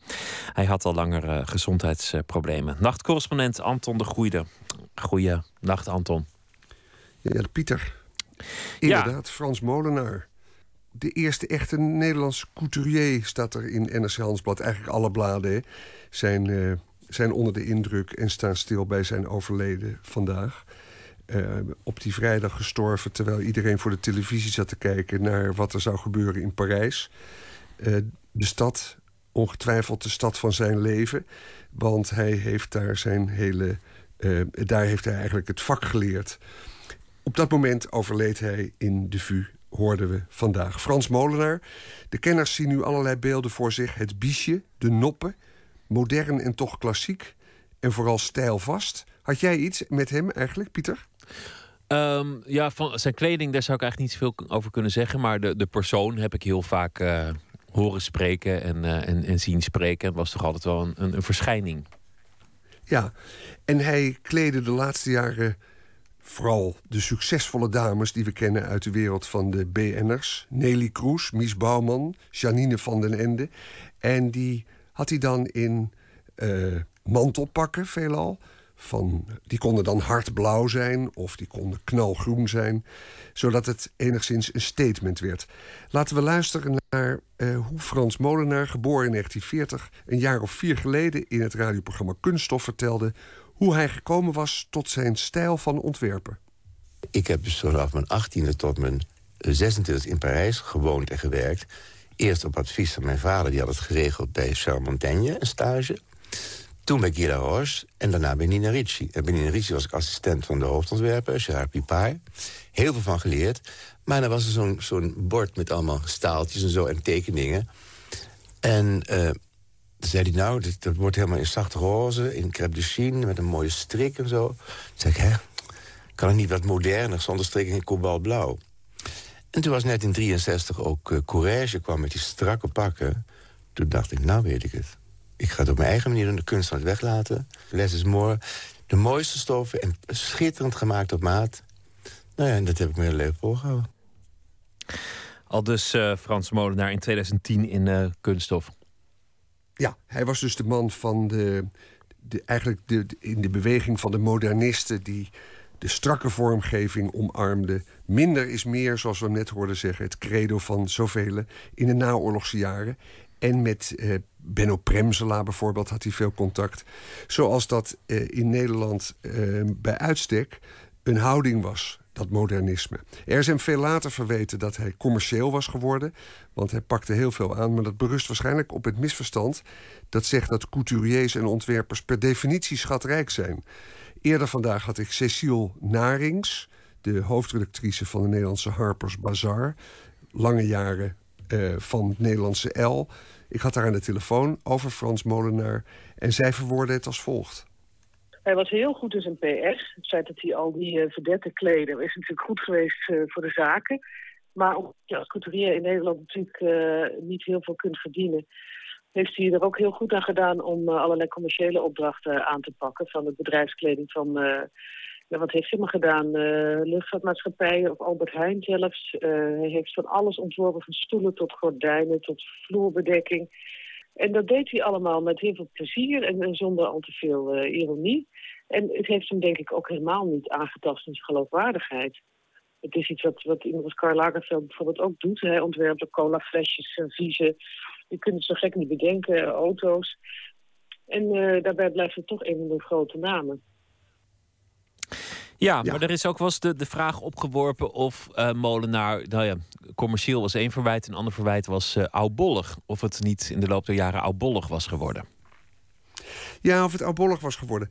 Um, ik, over de doden niets dan goeds. Hè. Je hoort nu allemaal lof, maar dat gevaar ligt ook een beetje op de loer. Heb ik ook met Cecile Narings besproken. Luister. Ja, albollig, dat klinkt meteen zo negatief. Het is uh, licht gedateerd, maar het heeft niet zijn kracht ingeboet. Ik denk dat het juist wel goed is. Het is ook het eigen van de mode dat het, uh, dat het aangeeft uit welke tijd het komt. Het is niet hopeloos uh, gedateerd. Het is, het is leuk gedateerd. Ja, klassiek zou je het ook kunnen noemen. Al dus uh, Cecile Narings was dit. Leuk gedateerd. Ja, al met al een, een bijzondere man die een gezicht heeft gegeven aan, aan de mode in Nederland. Wat, wat heel lang toch niet een heel prominente sector was. En die ook met zijn vele media-optredens heeft geholpen om de kleding tot een, tot een thema te maken in Nederland. Kun je wel stellen. Ja, en uh, ik vroeg aan uh, Cecile Narings nog of ze ooit zelf iets van Frans Molenaar had gedragen. En ze zei, nou wel ooit iets gepast, maar het werkte niet voor mijn type. Zij is rond 1,63 meter en ze zei, ja, Molenaar ontwierp vooral voor wat grote vrouwen. De Tineke Verburg types, als die naam je nog iets zegt, uh, Pieter. Ja, natuurlijk. Die kom ik nog af en toe tegen, zelfs hier. Lange vrouwen, stevige schouders, uh, dat werk. Uh, tot zover even Frans Molenaar. Hè. men, men, men, men kijkt nog maar op de site en je ziet wat, dat werk wat hij maakte. Cecile Narings, die belde ik toen ze vanmiddag in Londen was. Uh, vandaar dat die lijn ook niet optimaal was bij die opname. Vandaag was in Londen een modeshow van de omstreden modeontwerper John Galliano. Dat is die man die uh, bij Dior werd ontslagen in 2011 omdat, hij, omdat er een video was opgedoken waarin je hem uh, antisemitische taal zag uitstoten. Herinner je je nog? Ja, zeker. Maar het is natuurlijk nooit een excuus. Maar hij was zo dronken als een, als een aap die acht uur in de Jenever had gelegen. Ja, nou sindsdien heeft hij een, een afkikcentrum bezocht. En dat drankprobleem dat, schijnt hij eronder te hebben. En hij is aangenomen in oktober bij het Belgische modehuis Maison Martin Margiela. En vandaag was het nieuws in de modewereld, behalve het droevige nieuws over Frans Molenaar, het spectaculaire nieuws dat voor het eerst de collectie, de nieuwe collectie van John Galliano bij dat Maison Martin Margiela naar buiten zou komen. En uh, Cecile Narings is me niet gelukt om de, haar na het bezoek van die show uh, te spreken te krijgen. Er kwamen een heleboel mensen op af. Uh, heel select gezelschap natuurlijk. Maar sinds een paar uur staat op de site van L een kort verslag. Ook foto's daarvan. Tijdens een ready-to-wear mannenmodeweek... een dames couture collectie show op de deunen van Shirley Bassey... namelijk het nummer Big Spender. Dat kan alleen John Galliano. Zojuist ging zijn aller, allereerste collectie voor Maison Martin Margiela... over de catwalk in Londen. Een mooie comeback. Oog. Precies, mooie comeback nu. Uh, als je gaat kijken naar de site van L, dan zie je uh, wat hij maakt. Dat is veel bonter. Je ziet hotpants, je ziet tiger prints, vuurrode jurken. Heel anders dan Frans Molenaar. Uh, en daar gaat waarschijnlijk morgen druk over gepraat worden. Uh, over welke stappen hij in die nieuwe baan gezet heeft. Dankjewel, Anton de Goede. In 1994 maakte de Australische band Frente een akoestische versie van een nummer uh, uit de jaren 80 van New Order. Vreemd genoeg uh, haalde dat ineens uh, de Amerikaanse hitparade en kwam zelfs hoger dan het origineel. We gaan luisteren naar dat nummer Bizarre Love Triangle van Frente. Every time I think of you, I get a shot right through into a bolt of blue. It's no problem of mine, but it's a problem I find. Living a life that I can't leave behind. There's no sense in telling me the wisdom of a fool won't set you free. But that's the way that it goes, and it's what nobody knows. And every day my confusion grows.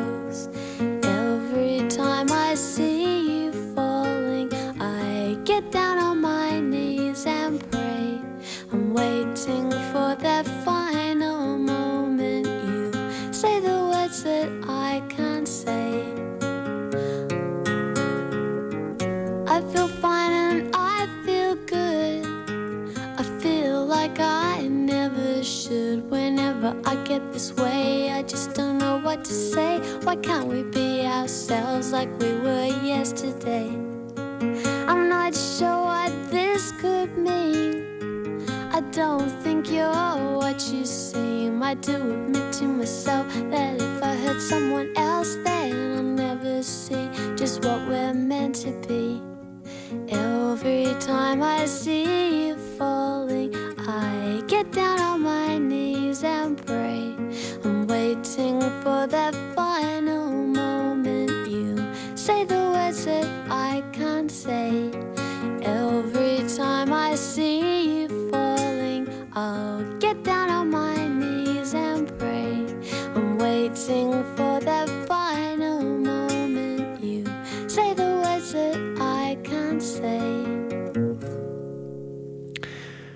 Friend met Bizarre Love Triangle.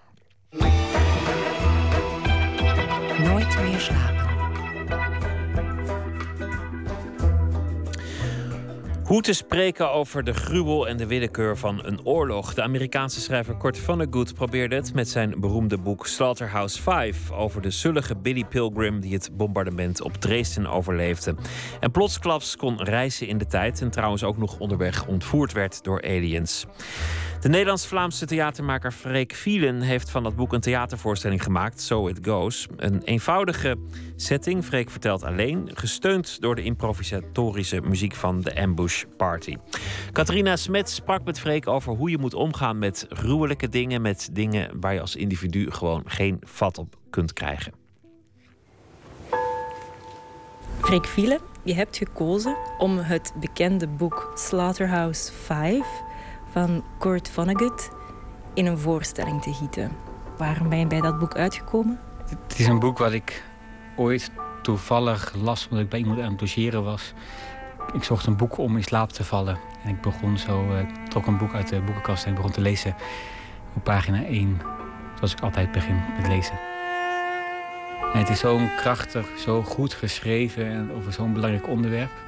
Dat ik eigenlijk als ja, bijna logisch was voor mij om, om te zeggen, om dat dan weer verder te vertellen. Om dat dan op een avond aan andere mensen te geven, uh, om, om, om daar mee door te gaan. Begin mei 2014 zit ik te werken aan deze monoloog. Al heel lang heb ik het idee dat het een goed idee is om van dat boek van Kurt Vonnegut, het beroemde boek uit 1970, over het bombardement op Dresden, het Florence aan de Elbe, mijn volgende monoloog te maken. Omdat ik het zo'n belangrijk boek vind. Omdat ik door het lezen van dit boek voor het eerst dacht, dus dit is oorlog. Maar uiteindelijk ben ik gaan beginnen te schrijven en vooral te vertellen over waarom ik het een zo'n goed boek vind. En waar dat boek voor mij over gaat. Ja, nu is mijn voor de hand liggende volgende vraag. Waarom heeft het boekje toen zo gegrepen? Het gaat over het bombardement op Dresden. Aan het eind van de Tweede Wereldoorlog, toen de oorlog eigenlijk al gewonnen was, hebben de Amerikanen en Engelsen hebben de stad Dresden, die tot, dan toe eigenlijk vrij ongeschonden door de oorlog was gekomen, helemaal op de grond plat gebombardeerd. En er waren op dat moment eigenlijk alleen burgers aanwezig. En er is later debat ontstaan over de vraag: was dat wel nodig? De oorlog is daardoor niet eh, eerder gestopt. Er is geen uh, gevangene eerder door bevrijd. Het was eigenlijk met andere woorden een soort vergeldingsactie. En Kurt Vonnegut, de schrijver, heeft dat bombardement meegemaakt als, als krijgsgevangene. En het boek begint eigenlijk met een soort voorwoord van Kurt Vonnegut die zegt dat hij dacht dat hij toen hij terugkwam uit de oorlog, dacht dat het heel gemakkelijk zou zijn om over dat verhaal een boek te schrijven. Hij hoefde iemand alleen maar weer te geven wat hij zelf had meegemaakt. Maar dan gaat het eigenlijk over dat hij 24 jaar lang geprobeerd heeft daar een boek over te schrijven. En dat het steeds niet lukte. Kurt Vonnegut laat geen moment in zijn boek onbenut om de lezer te wijzen op het feit dat de soldaten kinderen zijn, geen idee hebben, geen helden zijn. Hij zegt: Dit verhaal kent bijna geen dramatische confrontaties, omdat de meeste mensen die erin voorkomen zo ziek zijn en zozeer speelbal van enorme machten dat ze bijna zonder uitzondering van worden weerhouden om individu te zijn. Hij zegt dat is een van de ergste dingen die een oorlog doet. Het weerhoudt mensen ervan individu te zijn.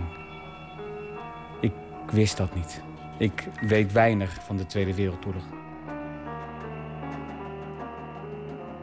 Je hebt gekozen om de voorstelling So It Goes te noemen. Je kan het op twee manieren lezen. Ofwel als een soort van fataliteit, ofwel als een soort van relativiteit van alles. Van ja, je moet je er eenmaal bij neerleggen. Maar ik weet niet of je het zo hebt bedoeld. Ja, exact zo eigenlijk. Ja, die, die, twee, die twee dingen die bij mij zelf in mijn eigen dagelijks leven met elkaar vechten. De, de, het berustende, relativerende, je kan er toch niks aan doen. En het, en het boosmakende, je kan er niks aan doen. Het is ook een oproep om beter na te denken. Kunnen we er niks aan doen? En wat willen we dan eraan doen als we er iets aan willen doen? Ik heb zelf een metalijn. Dus het boek heeft een metalijn. Met Kurt Vonnegut die probeert het boek te schrijven. En ik heb zelf dan in de voorstelling nog een metalijn eraan toegevoegd. Van ik die probeer een voorstelling te maken over die schrijver die probeert een boek te schrijven over dat die, over die oorlog. En daar heb ik ook discussies met meer activistische kunstenaars die, die een sneller antwoord hebben op de vraag: wat kunnen we eraan doen? En dat zijn toch altijd antwoorden die met geweld te maken hebben of met, uh, met te maken hebben. En, en, en dat zijn dingen waarin ik zelf ja, niet op uitkom. Die ik zelf denk dat dat niet de goede middelen zijn om bij dat doel uit te komen van als je iets wil veranderen in de wereld. Mhm. Maar het, is, het, is wel, ja, het gaat precies om die spanning tussen, tussen, tussen berustend en, en verontrustend. Ik zit in de trein van Amsterdam terug naar Antwerpen. Van het Stedelijk Museum terug naar mijn vriendin. Ik kijk uit het raam en ik schrijf in een map waarop staat monoloog. En dus niet in een brief aan mijn vriendin. Als het uitgaat zal ik zeggen, so it goes. Als we trouwen zal ik zeggen, so it goes. En als we dan scheiden, zal ik zeggen, alle dagen hebben echt bestaan, blijven daarom altijd echt bestaan. Het is geen reis in de zin dat de dagen ons voorbereiden op. Het is een reis in de zin dat wij vastgeklonken aan onze blik langzaam worden voortgetrokken.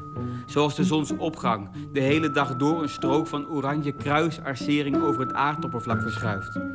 Zoals dit moment, s'avonds in de trein, slechts een strook oranje kruisarcering is, die langzaam over mijn leven schuift. Waarin alle lijnen tot nu toe binnenkomen en daarna weer verder gaan. En Billy Pilgrim zegt dat de dingen waarin niets kan veranderen behoren het heden, het verleden en de toekomst. En Kurt Vonnegut schrijft, een van de ergste dingen aan oorlog is dat het mensen ervan weerhoudt om individuen te zijn.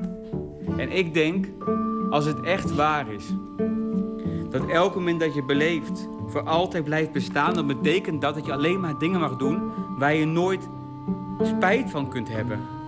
Ik bel de kunstenaar op. Ik mompel met een stem van mosterdgas en rozengeur dat het super simpel is. Dat als je de wereld beter wilt maken, dat je dan niet iets kan doen dat de wereld slechter maakt. Als je tegen onderdrukking bent, mag je niet onderdrukken. Als je tegen ongenuanceerde uitspraken vecht, kan je dat niet doen met ongenuanceerde uitspraken. Momenten kunnen geen middel zijn voor andere momenten, omdat ze altijd blijven bestaan. Het wordt wel opeens heel actueel. De voorbije dagen is er de moordpartij in Parijs gebeurd bij Charlie Hebdo. Is dat iets dat dan ja, op jouw terrein komt op dit moment? Ik ben, ik ben, sinds de aanslag heb ik bijna alleen maar het nieuws zitten kijken en de tweets zitten volgen en de, en de, en de nieuwsstromen zitten volgen. Ik vind het onwaarschijnlijk heftig wat er gebeurd is. Natuurlijk gaat, dat, gaat hier die voorstelling ook over. Dat is wel een beetje mijn de halve conclusie als ik probeer het dan te begrijpen van middel, nee, momenten mogen geen middel zijn voor andere momenten. Dus je kan nooit iets doen wat ehm, met het doel om het later beter te krijgen. Om het elk, elk moment, dat leren we door die tijdreizen van Billy Pilgrim, elk moment blijft altijd bestaan. Dus, dus iets doen wat de wereld niet op dat moment beter maakt, met het oog op een betere wereld, dat is voor mij dat kan niet. Dat is, dat is, dat is, een, dat is een, ehm, een onmogelijkheid voor mij. Ik zeg, het heeft geen zin om mensen dood te maken vanwege hun ideeën, omdat je slechts een lichaam kan doden met kogels. Ideeën dood je alleen maar door, door betere ideeën, nieuwe leugens, betere leugens om in te geloven. Ik zit in het café de nacht voordien. Mijn dramateur zegt: Weet je wat me vooral stoorde? Het stoorde mij dat er mensen zijn die doen alsof we op een punt zijn gekomen waarop we met conclusies kunnen werken. Ik knik, ja zeggen, ja. De liefde, dat is mhm. toch een vrij belangrijk thema in de voorstelling. Ja, waarom die verhaallijn erin? Zou een volkomen misplaatst zijn en mislukt zijn als je zou denken dat ik wat ik meemaak in mijn leven qua ellende en uh, liefdesprikkelen op enige manier te vergelijken is met wat die mensen in Dresden meemaken of wat mensen überhaupt in oorlogssituaties meemaken. Maar wat wel natuurlijk zo is, dat je in een, in een leven, um, dat het boek ook gaat over uh, tijdreizen, niet voor dingen, niet uit situaties kan komen. Niet dat je blijft haken in bepaalde verhoudingen, situaties of zoiets.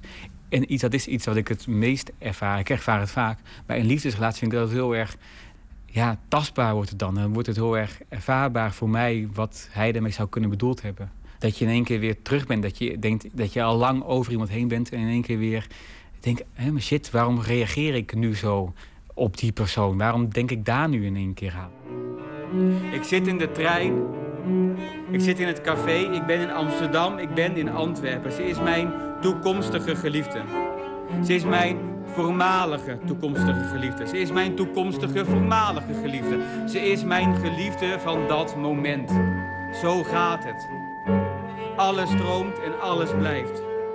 Zo, mijn voorstellingen zijn wel een poging om de totaal de ervaring van het leven, de totaal, het totaal leven proberen te vatten, zo te vangen, erachter te komen. Wat is nou, wat is nou de wereld waarin ik leef? En ja, ik kan die ook niet beschrijven zonder, zonder het daarover te hebben. Over de liefde. Zo gaat het. Vertel me eens een verhaaltje. Vertel nog eens een verhaaltje, Billy, mijn lief. Luister. Zo gaat het.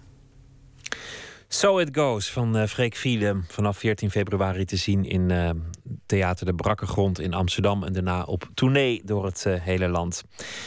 Over een paar dagen komt het eerste album uit van Benjamin Clementine. Een album waar zeer op gewacht wordt. Een belofte voor 2015. Zijn ehm, pianospel en zangstem zijn ook inderdaad uh, bijzonder. En dan is er ook nog dat uh, verhaal erachter dat hij ontdekt werd als straatmuzikant in de metro. Nou, het kan bijna niet meer terug, want het gebeurde, of niet meer een stuk, want het gebeurde ook nog in Parijs. Uh, at least for now gaat het album heten en daarop staat Winston Churchill's Boy.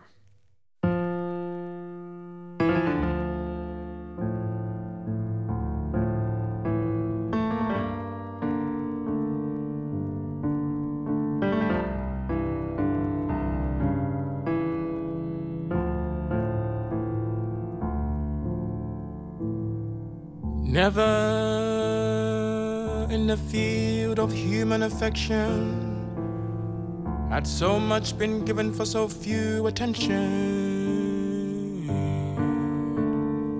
Never in the field of human affection had so much been given for so few attention. Winston boy, oh, there he is, packing quietly alone. You could mistake a clock ticking for a cricket cricketing when you're around him. But I swear, nobody knows. Nobody knows what's on this boy's mind. And nobody sees Nobody sees what he's been picturing.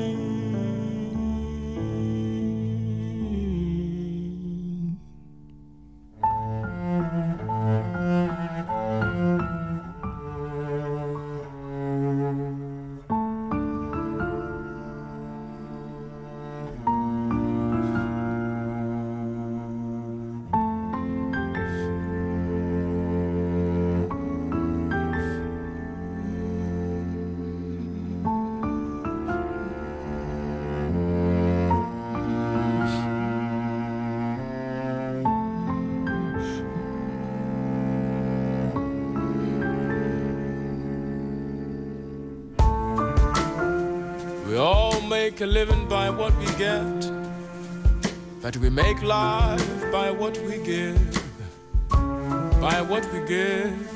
But in some special circumstances, this special circumstance, Winston Boy will have to earn a living before he earns enough living to give.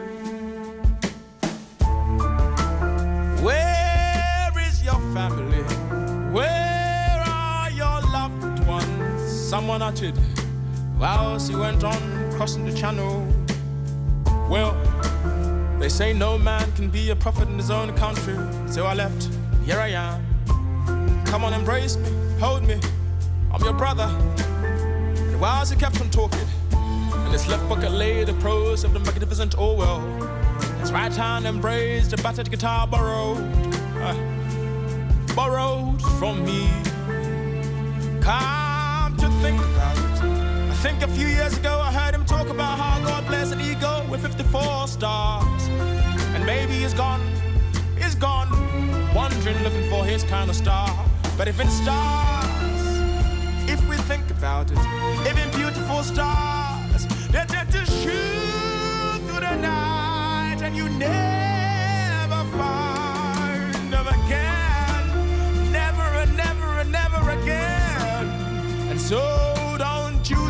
Winston boy. Don't you ever judge Winston boy.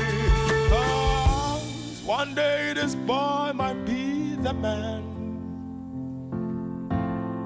Though clearly nobody knows when or how. One day this boy will stand in front of a pulpit as the world gives him but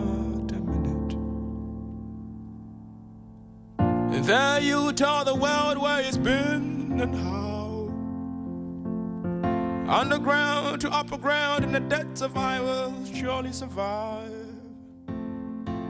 Shares his story De prachtige stem van eh, Benjamin Clementine, Winston Churchill's boy. Daniel D. is de stadsdichter van Rotterdam. Deze week sluit hij elke nacht onze uitzending af met een gedicht dat hem eh, na aan het hart ligt. En vanavond is dat De Zee van de Russische dichter Boris Risi.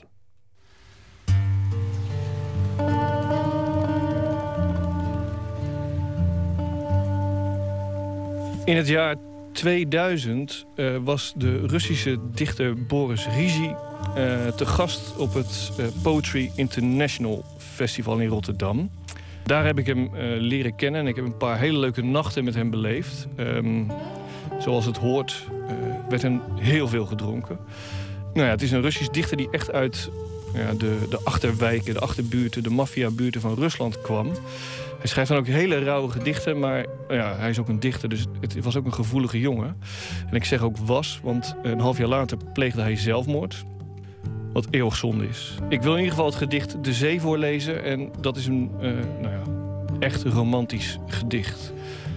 De Zee. In verre, droeve buitenwijken, die ochtends leeg en somber zijn, waar de seringen er belachelijk en zielig bij staan op het plein. Daar staat een huis. 16 etages, waarnaast een populier verrijst die uitgeput en overbodig naar de verlaten hemel wijst. En bij die populier een bankje.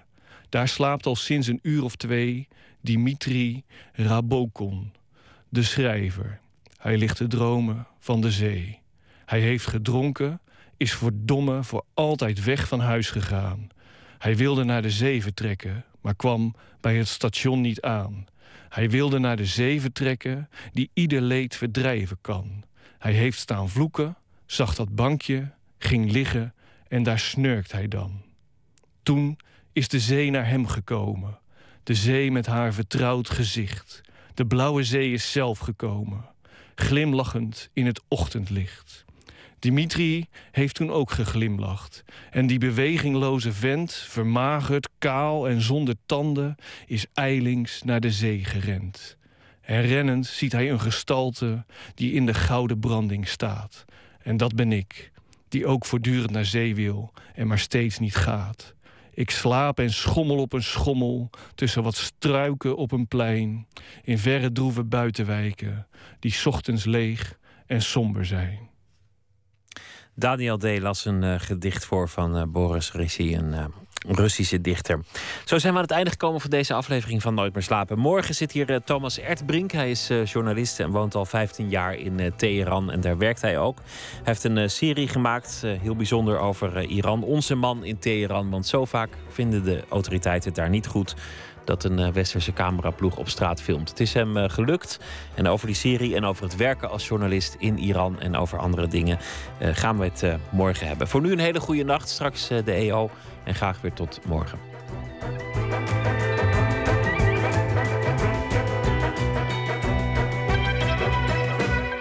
Op Radio 1, het nieuws van alle kanten.